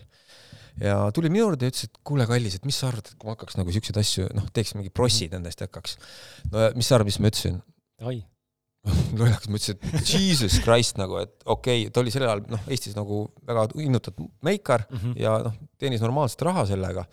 ütlesin, et palun ära seda jura tee, onju, et, et see on nagu kõige mõttetum asi, et noh, mis sa teed, tee meiki elu lõpuni ja sul on nagu rahulik olla siis ütles mulle hm,, okei okay,, mida iganes, onju, mis naiste keeles tähendab fuck you.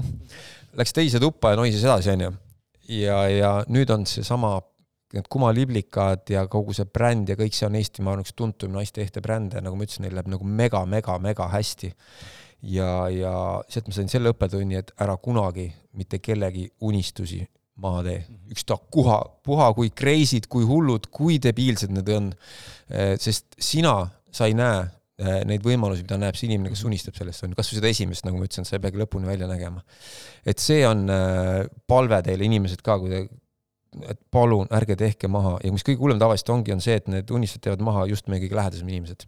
meie elukaaslased, meie vanemad, äh, meie sõbrad, sest et nad ei mõista, nad ei näe, nad ei näe sinu pea sisse, usalda seda enesetunnet ja, ja ärge kartke vahest öelda, aga tõesti, et tead, fuck you okei okay,, nagu Mari mulle ütles, et kuule, mida iganes, onju.